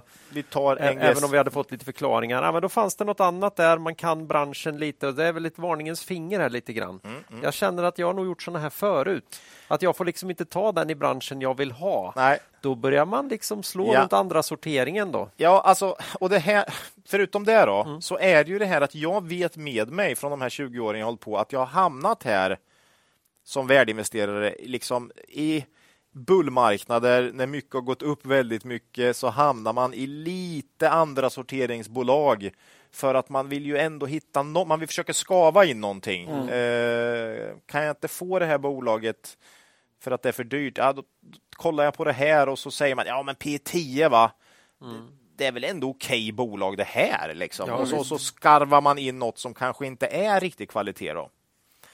Eh, här- ska vi dock säga också till vårt eh, liksom eh, man, kan- man kan säga att det var en dålig investering, men det var, fanns inget eh, som, som talade i Q2 om vad som skulle hända i Q3. Nej. Q2 ökade både omsättning och resultat bra och marginalen var bättre än kvartalet innan. I Q2 hade NGS också ökat både omsättning och resultat fem kvartal i rad. Så det var liksom inget som, som vi kun, man kunde se här Nej. eh, på förhand. Det var lite out of the blue som vi brukar säga och svårt att identifiera. Liksom. Eh, Det var väl bara det här vd-bytet som tydde på att det skulle kunna vara någonting. ja, det var ju en signal som vi ändå reagerade på. När jag läser rapporten för Q2 Det tror jag vi tog upp också i podden och sa att vi inte gillar när sånt sker. Ja, ja, Så jo, det gjorde vi. Precis. Det var ju från den podden där första september. Då. Eh, när jag läser den här rapporten för Q3 får jag heller inte riktigt grepp känner jag om vad egentligen som har hänt här. Eh, jag, de skriver många olika saker, men jag, jag får liksom ingen riktigt tydlig bild. Visst, 5 miljoner här då var en engångskostnad för avgångsvederlag. Eh, och man skriver framtida ersättning tar man redan nu. Hon har väl någon, eh, hon kanske har ett års eh, lön eller något. Jag vet inte, eller hade. Gamla vdn. Ja. Eh, Men 5 miljoner i alla fall. Men även justerat för de här 5 miljonerna för avgångsvederlag så var det ju ändå minus om man har, vad jag vet, på 10 år varje kvartal gjort vinst. Mm. Så eh, det blir 40 kvartal i rad med vinst åtminstone. Det är något konstigt. Något konstigt. Och deras affärsidé är ju det här att de ska skära emellan. Det ska ju liksom inte... Nej. Eh, men för, för det här var liksom även justerat för det här så var det faktiskt minus. Eh, man pratar om starkt jämförelsekvartal, håller jag inte alls med om. Nej, för det var inte något fantastiskt. Nej. Eh, marginalen i Q3 brukar vara väl så bra som övriga kvartal om man kollar historiken sista tio åren. Och, ja, det, det, var liksom, det var inte något extremt förra året. Eh, man pratar om investeringar, där skulle det kunna vara en del. Men luddigt också högre personalkostnader och sjuklönekostnader skriver man också. Det kan ju Eventuellt- inte bara vara marknaden. Dedicare var ju bra. Ja, nej, det, jag har svårt att få ihop liksom vad som har hänt riktigt här tyvärr. Eh, framåt säger man att man ska investera under kommande kvartal, vilket kommer pressa lönsamheten. Så det låter som att det här nog kan pågå eh, Ja. ett tag. Eh, jag, det är ju en, eh, ordförande har ju fått gått in här då, så det är en tuff uppgift såklart. Väldigt tuff uppgift. Eh, jag känner att det är svårt eller i stort sett omöjligt att göra en vettig prognos här kommande kvartal. Jag är faktiskt också lite orolig för balansräkningen. Det vill man ju inte säga, men man har inte jättebra finanser längre. Nej, faktiskt. inte om man börjar förlust. Nej, man har inte råd med jättemånga kvartal med, med negativt kassaflöde. Liksom. Då ska man ut med fem miljoner till gamla vd. ja, precis. Eh, ja, nej, men alltså NGS nu. Vi kommer nog inte prata särskilt mycket om NGS kommande kvartal här. Eh, tappat lite känslan här, får jag säga. Skulle NGS komma tillbaka till historisk lönsamhet, ja, då förstår ju alla att det är ett fynd såklart. Eh, för den har ju tappat så väldigt mycket. I dagsläget är det ju dock inte mycket som tyder på det. Då. Eh, långt dit. Ja, vi får hoppas på nya ledningen här. Jag tror inte man offentliggjort någon, någon ny vd här. Eh, vi, ho- vi hoppas de lyckas. Mm. Eh, Det, det är väl också lite, ja, det är så mycket som är konstigt här, men då, då har vi det här med investeringar. mm. Ja, det, här, det här är ju inte ett industribolag direkt, vad investerar man i? Ja, något digitalt. Ja, Personal, nej, personal säger man ju. Är det att man har löne- marknadsför. Är det att man har löneglidning? Är det olika... Jag tror, så, när jag läste det här högre personalkostnader, då läste jag att man har blivit lite squeezad på något. Ja, men det, det är ju möjligt, men, varför, vad- men det har ju inget med nej, investeringar nej, att nej, göra. nej. Eh, Vad, vad är det för investeringar? Alltså det man Marknad, nej, men mar- jag tror man ska ha marknadsföring till viss del. Och Ja. jag, nej, jag vet inte. Det, det, Men- jag säger ju det. Det är inte det- riktigt tydligt här. Du, du, du har ju aldrig sett en NGS-poster på stan liksom. Så här. Ja, det kanske kommer. Men, men man då pratar investeringar fast det kanske är löneglidning, Ja. men man samtidigt också säger vi skyller på ett starkt jämförelsekvartal. Då bör man ju känna att säger Ja. man som det är här. Ja. Sen är ju, han kommer in som TF, han har varit ordförande, eller är ordförande. Det är ju ingen lätt situation. Nej, det är- är en så är det ju. jäkligt tuff situation. För det är Så- ett ganska litet bolag. Ja, framförallt ska nu. man, ska man då hålla på och Ja. driva någon slags investeringsagenda? Jag, jag tänker att det borde vara någon digitalisering om det är investeringar på riktigt. Då ska du ju ha en riktig VD på plats Mm. som, som tar ansvar för det, för det där och ser till att det där Det här, rullar. ja. Vem ska, ska liksom projektledaren ta det Mm. ihop med TF? Det här verkar inte Jätte- vara investeringar av typen vi lägger på balansräkningen, utan det här verkar ju vara det är ju liksom drabba ebit-marginal säger man ju, så det är Mm. egentligen det är mer kostnader för någonting som man gör för framtiden säger man. Så att man kommer lägga mer kostnader kommande kvartal för att få igen en tillväxt framåt. Mm. Men riktigt vad det innefattar, det är svårt alltså. Ja, det, det är, otäckt. Eh, ja, NGS eh, Vi släpper nog dem tuff, lite. här. tuff Q3, lite out of the blue så att säga. Mm. Ja. Och, och där, kom ihåg det också. Det är också därför man aldrig ska ligga för tungt i en enskild bolag. Då. Eh, För Exakt så. eh, out of the blue kan hända. Så. Ja, men eh, vi kommer nog fortfarande vara lite intresserade. Vi kommer garanterat, svar. framförallt så vill man veta. Ja, för att lära sig av det ja, här. Precis. Var det något vi kunde ha förstått? Ja, Eh, det om NGS. ja. Tack Nu- Ola! Ja, Nu är det dags för Nordnet. Vi har ju som vanligt med oss vår sponsor Nordnet i podden. Eh, ja, vi vill ju åter slå ett slag för Nordnets fördelaktiga, fördelaktiga bolån med marknadens lägsta listränta. Ja, Nej, men eh, Nordnet har ju bolån eh, och här får man ju lägre räntor ju mer man sparar. Eh, Det finns fyra olika nivåer. Träder in vid 2,5, 5, 10 och 15 miljoner. Då. Eh, Räntorna sätts om var tredje månad och eh, ränt, eh, int- intervallet är från 2,4 till 3,79. As we speak, så att säga. Och 2,4 är marknadens lägsta listränta, så det är ju bra. Och en fördel med Nordnets lånetrappa här då är att man lägger ihop allt sparande som finns på Nordnet. Både för den som söker lånet och eventuell medsökande, så man kan räkna ihop dem. Det gäller både privata investeringar, men pensionsdepåer, företagskonton och så vidare. Sen att tjänstepensionen får räknas in är en stor fördel. Där har man ju ofta en hel del kapital som man har tjänat in under alla år som man har jobbat. Då. Särskilt för de som har varit med lite längre. Då. Så det är en stor fördel. Kommer man upp i högsta nivå, 15 miljoner, så får man som sagt 2,4 procent. Det är väldigt konkurrenskraftigt. Eh, Vi har ju sagt tidigare, jag har ju lånen sedan länge på, på Nordnet. Så tycker det är riktigt bra. Tänk, du är ju från Stockholm, eller bor ju där uppe. Du är inte därifrån, Nej, du bor inte där. därifrån.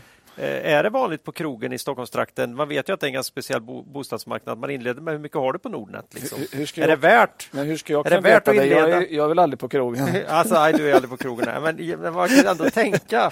Vi kan tänka att det är det på krogen. ja, ja. Nej, nu.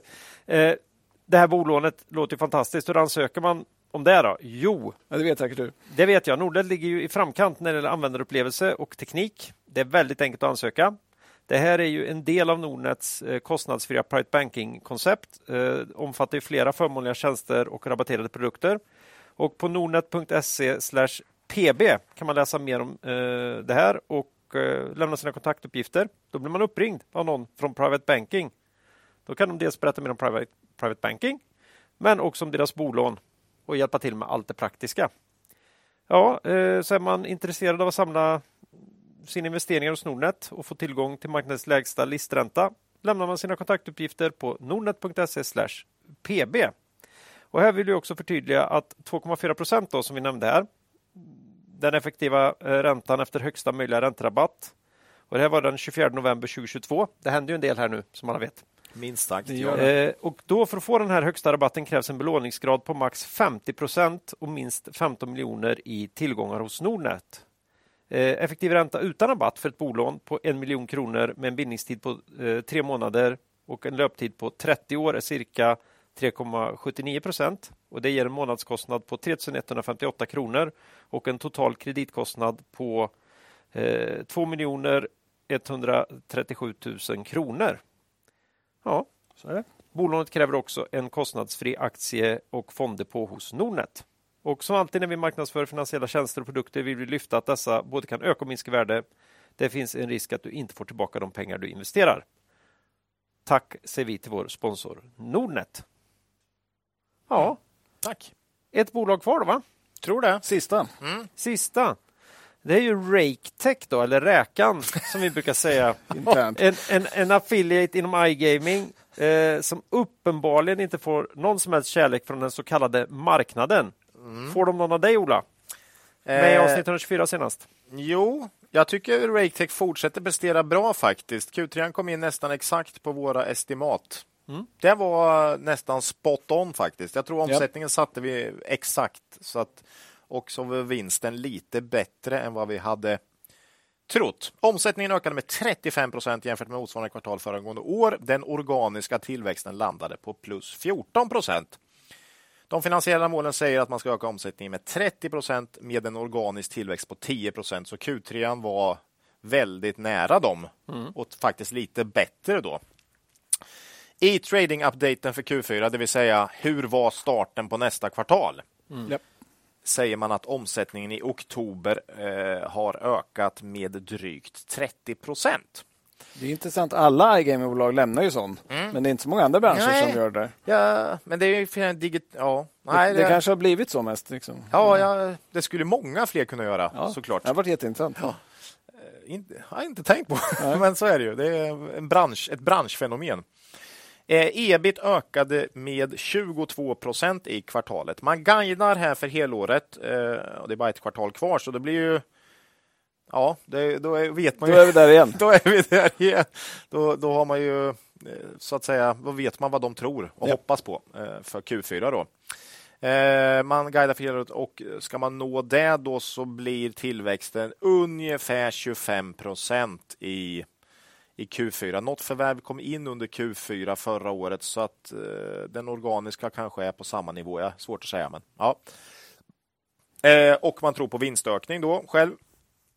Eh, man har inte förvärvat något under 2022 utan mer konsoliderat förvärven från 2021 och de här förvärven verkar leverera ja, enligt förväntan får man säga. Eh, Man har ju som mål som sagt att växa med 30 procent per år där 10 procent ska vara organisk tillväxt och resten förvärv. I och med att man inte har gjort något förvärv nu på hela året så ser det ju än så länge ut som att 2023 blir ett år med med enbart organisk tillväxt. Faktiskt. Eh, möjligheten finns ju här att man drämmer in, eh, köper något under vintern här såklart. Då kommer ju det med nästa år, men vi får se. Inget har kommit än. Kollar man estimat här så kollade jag på Nordea och Erik Penser. De tror på tillväxt på 10% nästa år, det vill säga den organiska historiska tillväxten, eller vad man tror på. Så de verkar inte räkna med något för, större förvärv i alla fall. Eh, vad gäller vinsten så tror både Nordea och Erik Penser på en rejäl vinstökning. Vinst per aktie uppskattar man till cirka 0,3 euro. Det blir 3,3 sek. Ni vet, euron står i 11 spänn nästan. Oj. Så eh, 3,3 svenska kronor i vinst per aktie, ungefär någonstans där. Eh, Nordea lite under, Erik Penser lite över. Ställt till dagens kurs på 17,80 ger det ett P på drygt 5. Mm. Eh. Och här är väl tillbaka till det som Claes inledde med. Det är ju häpnadsväckande lågt får man ju säga för ett bolag som växer med 30 procent per år. Hade det här varit, ja vad ska vi säga, fjällrävenjackor, mm. då hade ju Ja, då var det inte P5. Nej, då är det inte P5. Så det är ju någonting här. Marknaden tror ju inte att det här är hållbart. man, man har ju en man väntar bara på katastrofen. Ja, lite så. Även affärsvärlden och aktiespararna här har nyligen analyserat aktien. Mm. Med köprekommendationer, där kan ni läsa. Gå in och läs om ni mm. är intresserade av att fördjupa er i caset. Men marknaden är ju helt klart skeptisk till mm. det långsiktiga caset här. Och sen, det... och sen vet man att det finns ju inga institutionella pengar som skulle... Nej, nej det är inga ESG. Det är nej. så långt ifrån ESG man ja. kommer. Mm. Eh, nej, men så är det ju. En, en värdering är inte P5 på en förväntad vinst om marknaden tror på att den förväntade vinsten kommer uppnås och att bolaget på lång sikt kommer generera den här typen av tillväxt och, och lönsamhet. Så att, ja, vi tycker dock bolaget presterar bra. Mm. Eh, för att marknaden ska ändra sin syn här tror vi bara det är att mala på. Det brukar vara så. Du får inte marknadens kärlek förrän du liksom på något sätt har överbevisat den. Till slut så så accepterar marknaden, ja men för fanken det är väl ett vettigt bolag då liksom. Lite som med Spy Global kommer mm. ihåg. Där var marknaden jäkligt skeptisk länge och det var Israel och ja, man hade alla möjliga. Ja, den white label-grejen var ja. ingenting värd. Och... Nej, men det var liksom massor och nej, det är mm. bara skit liksom. Men helt plötsligt någon gång så, så bestämde sig marknaden för att ja, men det är väl något här då. Och sånt är så fascinerande att ja. helt plötsligt kan det visa nej men det är ju faktiskt ganska bra. Det, ja, för liksom, men, men, det handlar om att bara fortsätta visa ja. att siffrorna finns där och någon gång kommer marknaden, om man nu fortsätter, mm. eh, visa. Och, och, kommer man inte visa, då kommer marknaden säga, ja, vad var det vi sa? Det så, så, så att, det är ju där vi är eh, på RakeTech. Eh, vi får hoppas att RakeTech går Aspire Globals framtid till mötes då. Mm. Att man fortsätter leverera bra som vi tycker de gör. Tillväxten om man kollar på börsdata är väldigt fin senaste åren. Vinsten ja, är väl uppe på all time high nu, men har ju mer stått stilla. Så att där har det också en grej att marknaden säkert inte tycker att vinsten har hängt med. Då. Vettig balansräkning. Kollar man på börsdata så nettoskuld ebitda 0,5. Här tycker vi dock som vi brukar prata om att man ska justera för potentiella tilläggsköpeskillingar. Då, då ja. landar siffran på 1,9. Eh, men fortfarande inget större problem. Vad gäller tilläggsköpeskillingar här så, så har vi pratat om det här tidigare, att man faktiskt kan få en liten hint om hur förvärven går. Mm. Det tycker vi är bra. Ja, genom att kolla på hur bolaget justerar vad man tror om de här framtida tilläggsköpeskillingarna. Eh, och I det här kvartalet gjorde Ratec en rejäl uppjustering som jag tror både äh, Affärsvärlden skrev om det. Yep. Eh, men man gjorde en rejäl uppjustering av förvärvet man gjorde i Japan för några år sedan. Yep med cirka 10 miljoner euro, alltså 100 miljoner, skrev man upp tilläggsköpeskillingen med där. Kasumba då. Ja, eh, så därför förvärvet verkar ju verkligen leverera bra där. Och man skrev i rapporten när de var på konfkålet att man sa att Japan går starkt. Uppenbarligen. Ja. så, att, så man kan säga att det förvärvet verkar gå bra. Lite konstigt att Catena Media, som för, för övrigt underpresterar nu. Den var ju usel. Ja, om, om RakeTech presterar bra så mm. är Catena Media inte eh, bra just nu. Och det är möjligt att det drar ner sentimentet lite grann. Mm. Också. Kan vara. Och Better Collective kommer med en något Men, svag rapport på lönsamhet. Ja, det var okej okay, tycker det jag. Var okay. ja. Men jag menar, när Catena har så dåliga siffror ja. så kanske folk tänker ja men då kommer nog Raken också snart. Förr eller senare. Liksom. För de har sagt nu att Japan är tufft. Ja, det var jättekonstigt. För dem. Det, det, var två skilda världar av samma marknad. Ja, men summa summarum här. Vi tycker Ratec fortsätter. Men eftersom allting bara sker i det här Kasumba, det är klart det är jobbigt för kat Catena. Ja, de var verkligen ja. överpresterat. Ja. Nej, men vi tycker Ratec fortsätter leverera bra siffror. Det finns inget i Q3 som ändrar vårt, vår syn här. Frågan är hur länge man ska behöva göra det här innan marknaden liksom eh, vaknar då. Mm. Och om man nu fortsätter leverera. Eh, ja, men vi, vi, är väl inne på ungefär, vi tror kanske inte riktigt så stark vinstökning som Nordea och Erik Penser, men vi tror på bra vinstökning under 2023. Eh, lågt värderat och vi äger fortfarande aktierna där. Gör ja. vi. Det!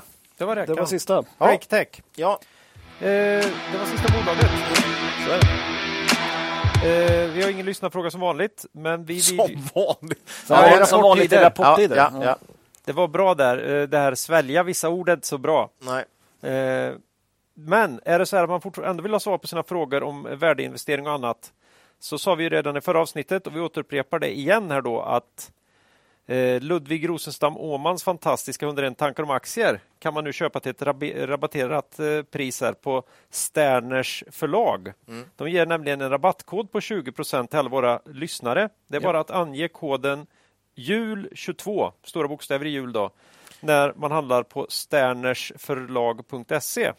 Mm. Så ska det funka hur bra som helst och eh, rabatten gäller på alla böcker. Det finns många olika investeringsböcker där. Och då är det jul, alltså inte sånt med ekrar och nej, så? Utan, nej, nej, utan eh, tomten ho, ho, tomten, ho. Ja. Men, men sen kan vi säga att man kan, gärna, man kan skicka in frågor till oss också. Vi kan ju spara ja, dem till ja, ett ja, eh, framtida frågeavsnitt. Ja, ja. Så det är, kör på om ni har några frågor. Mm. Det är kul. Det är sant. Vi vill gärna ha in frågor kontinuerligt. Ja. Så kan vi ju kolla också att, så att det stämmer lite grann med vad Ludvig har sagt så att vi inte, ja, så vi inte gör bort oss. Ja. Uh, nej. Uh, det ena förtar inte det andra kan man väl säga. Så. Nej. Det börjar närma sig slutet lite grann här, känner jag, av mm. det här mm. avsnittet. Vi håller på en, en, bra stund som vanligt. Nästa avsnitt uh, blir avsnitt 131. Då blir det Buy and Hold. Ja, 8 december. Mm, mm, Detta det är många som, som, som, tycker det är intressant att lyssna på. Mm. Eh, tidshorisont 18 år. Då vill man ner börsen innan dess. ja, Nej, men det, kan vi säga, det är många som tycker det är kul att lyssna på och vi tycker det är väldigt kul att göra. Ja. Ja, och jag tycker inte det är fullt så kul för nu vet jag vad jag gör de närmaste två veckorna, nämligen försöker uppdatera de Excelen. förbannade yes. gamla. Lite så, Marcus gör det roliga, välja case och du, du får mer ja, brottas med Excelen. Och, och säga ja, Ja, nej, tyvärr. Ja. Ja. Jag försöker sura in några case också, men ni, ni skiter ju det för ni nej vet då, att jag, sitter upptagen. Vi, vi, jag vi, sitter upptagen med Excelen ja, ändå. Så att... Vi kommer överens gemensamt om... Eh, om sitt, sitt du och justera dina utdelningar. Ja, det ska jag göra, så, så bestämmer ni. Eh, ja, man kan eh, mejla oss då. Vi pratar om det, gärna in med frågor till ja. exempel på kontakt kvalitetsaktiepodden.se. Man kan kommentera på Twitter så länge det finns kvar. Eh, eller på vår hemsida kvalitetsaktiepodden.se. Makrotea då, har vi något? Nej, inte Makrotea, men jag har en annan grej som vi måste ta. Har du en annan grej? Ja. ja jag har också en annan grej, men då får du börja med en annan grej. Börja. Ja, men vi, vi måste ta upp den här eh, kryptokraschen. Oh. FTX. Eh, det är en marknadsplats. då.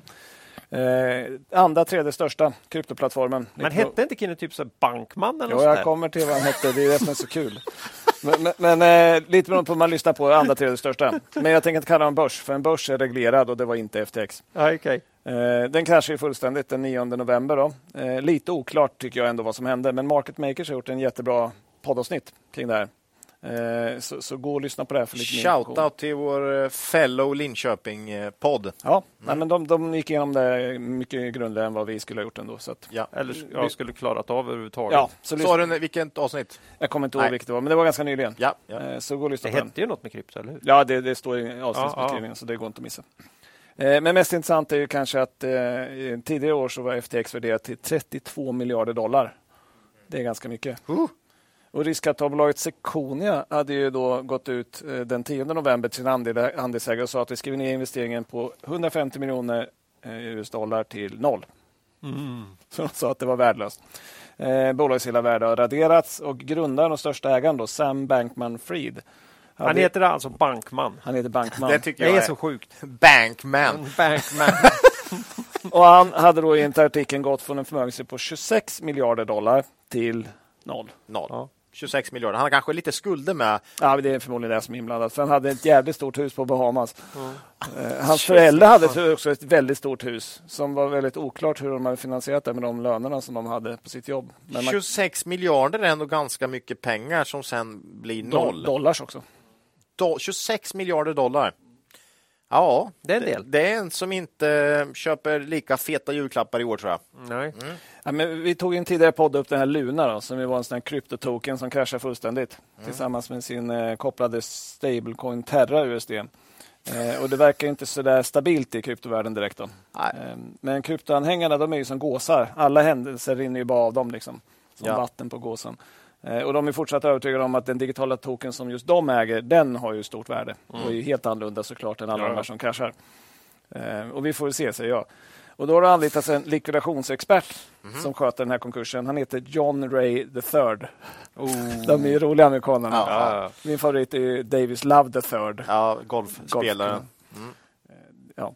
Han sa i alla fall i den här konkursansökan som skickades till rätten. Jag har aldrig i min karriär sett ett så totalt misslyckande av kontroll i ett bolag.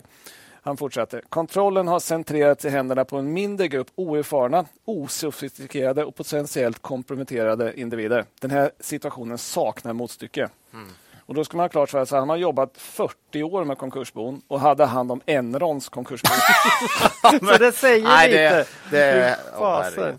Krypto går från klarhet till klarhet, säger jag. man ska inte, man ska inte, vi ska inte skratta. Det är många som har frågat, men, men vi har i alla fall inte lyft kryp, krypto i den här podden. Alltså. Nej.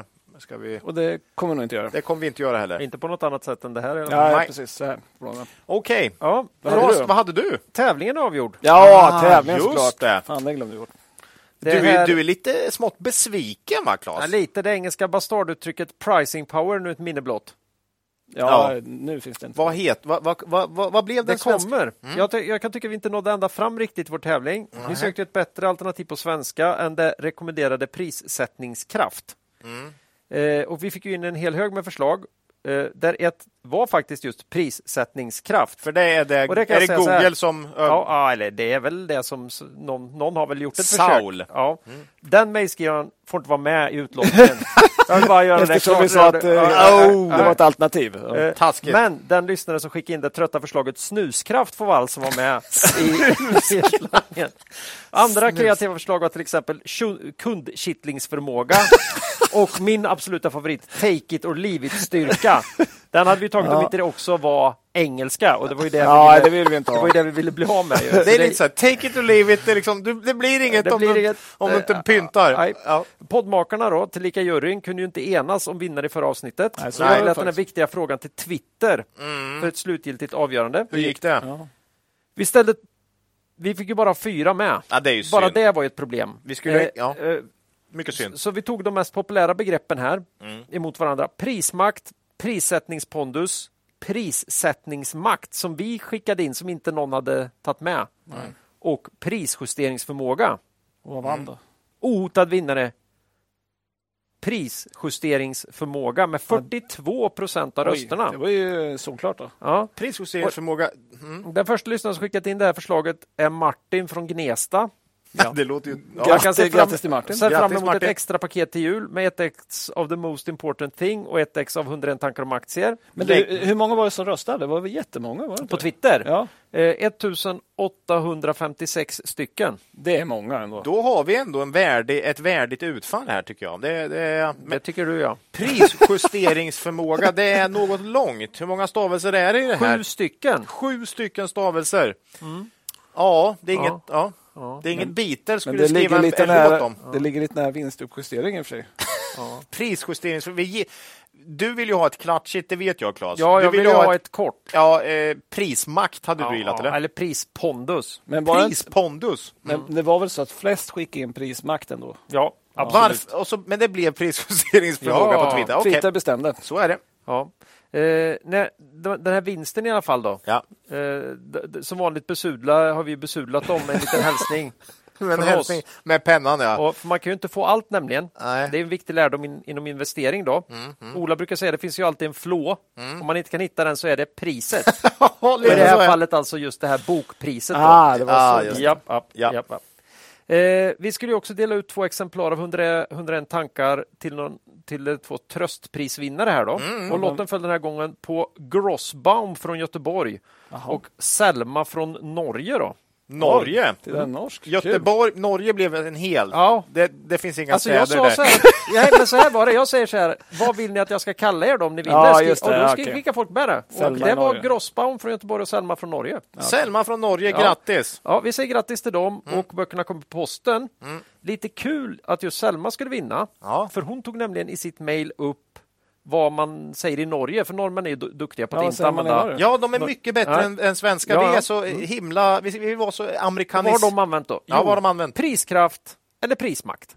Ja, okay. ah, de har... Nej men, oh, nej, men nu vill jag byta här. Ah, nu är det kört. Prismakt... Något, något snärtigare än vårt nya svenska prisjusteringsförmåga, eller hur Ola? ja. ja. Ja, vi får se om det här nyordet biter. Eller om det blir det här något mer lättsjungna prissättningskraft till och med. Ja, ja. Som, som kan bli etablera, den etablerade svenska varianten. Nej. Jag säger så här, jag uppmanar lyssnarna att testa något annat i alla fall. Ja, än just det här, det här förbjudna PP-ordet.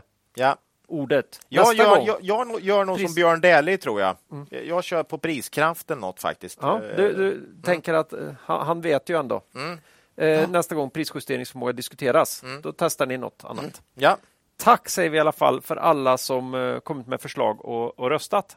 Jag tyckte det var ganska kul. Ja, Kul. det var kul. Det måste vi det hitta var på. kul att jättemånga röstade. Ja, det Det vi kanske kan komma på någon ny sån här. Mm. Private Eg- banking tycker jag inte är ett bra eh, Nej, det, ord egentligen. det får vi bryta ut också. Ja, vi får Din hit- privata eh, bank. Mm. Eh, Får fundera på. Ja. Eget ägande.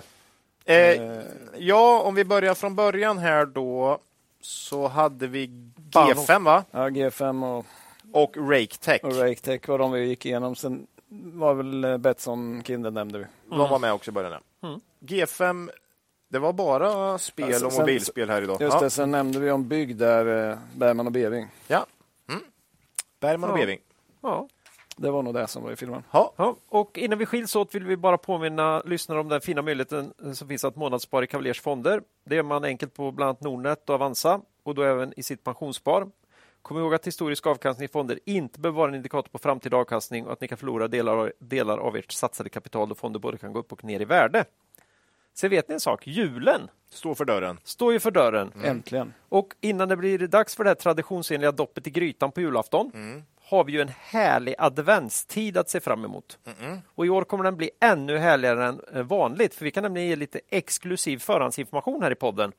Nordnet kommer nämligen från och med första december att ha en julkalender med tävlingar och priser varje dag ända fram till jul. Trevligt. Mm, tävlingarna är framförallt quiz på temat aktier och investeringar.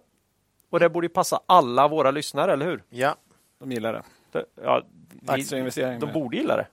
Annars har de. Annars har de hamnat fel. Jag vet ju att det finns folk som använder det här bara för att somna. För att det är så. Ja, tråkigt. Va? Så att, Ja. ja, jag är ett stort fan av julen.